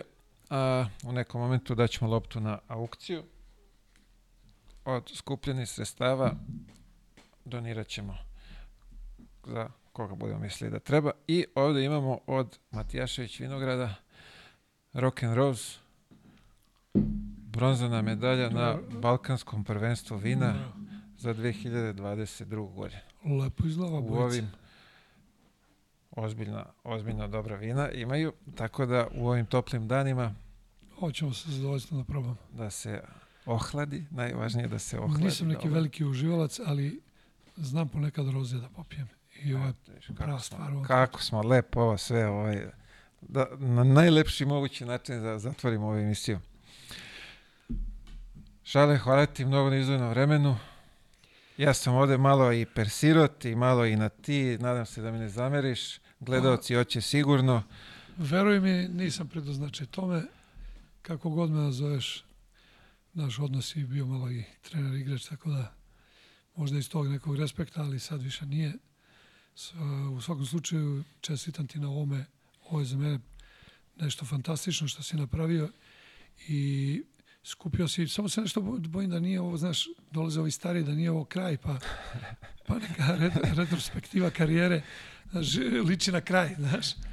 Ali ovaj, u svakom slučaju ovaj, ovo je zadovoljstvo ovako malo pričati o košarci, a da nemaš utisak da si negde na nekom intervju Pa ovo je, ja neka kažem, volim da kažem da je ovo neka kafanska priča o malo o našem životu koji smo prošli, kako to izgledalo s druge strane, malo i edukativno ja pomognemo te nekom. mnoge podcaste i mislim da je dosta ovaj, utiču na popularizaciju i to je prava stvar. Jer ljudi imaju prilike da vide i da čuju neke ljude koje su zanimljivi, a neke ljude koji su neopravdano ovaj, izvan fokusa, ali normalno ne mislim na sebe. Ovaj, ja nisam baš mnogo zanimljiv, ali kad sednemo negde i kad pričamo, onda sigurno mnogo toga imam da kažem od iste istorije, ali to je ipak 50 godina klupe i nešto malo i, i igračkih dana. Svakako, bilo mi je zadovoljstvo. Želim svu sreću u nastavku tebi. karijere. Sto više ovakih i, još boljih emisija. Da će Bog, da će Bog, radit ćemo naporno što se, ovaj, što se kaže. Dragi prijatelji, hvala i vama na izdvojenom vremenu i vidimo se već sledeće srede. Svako dobro, pozdrav.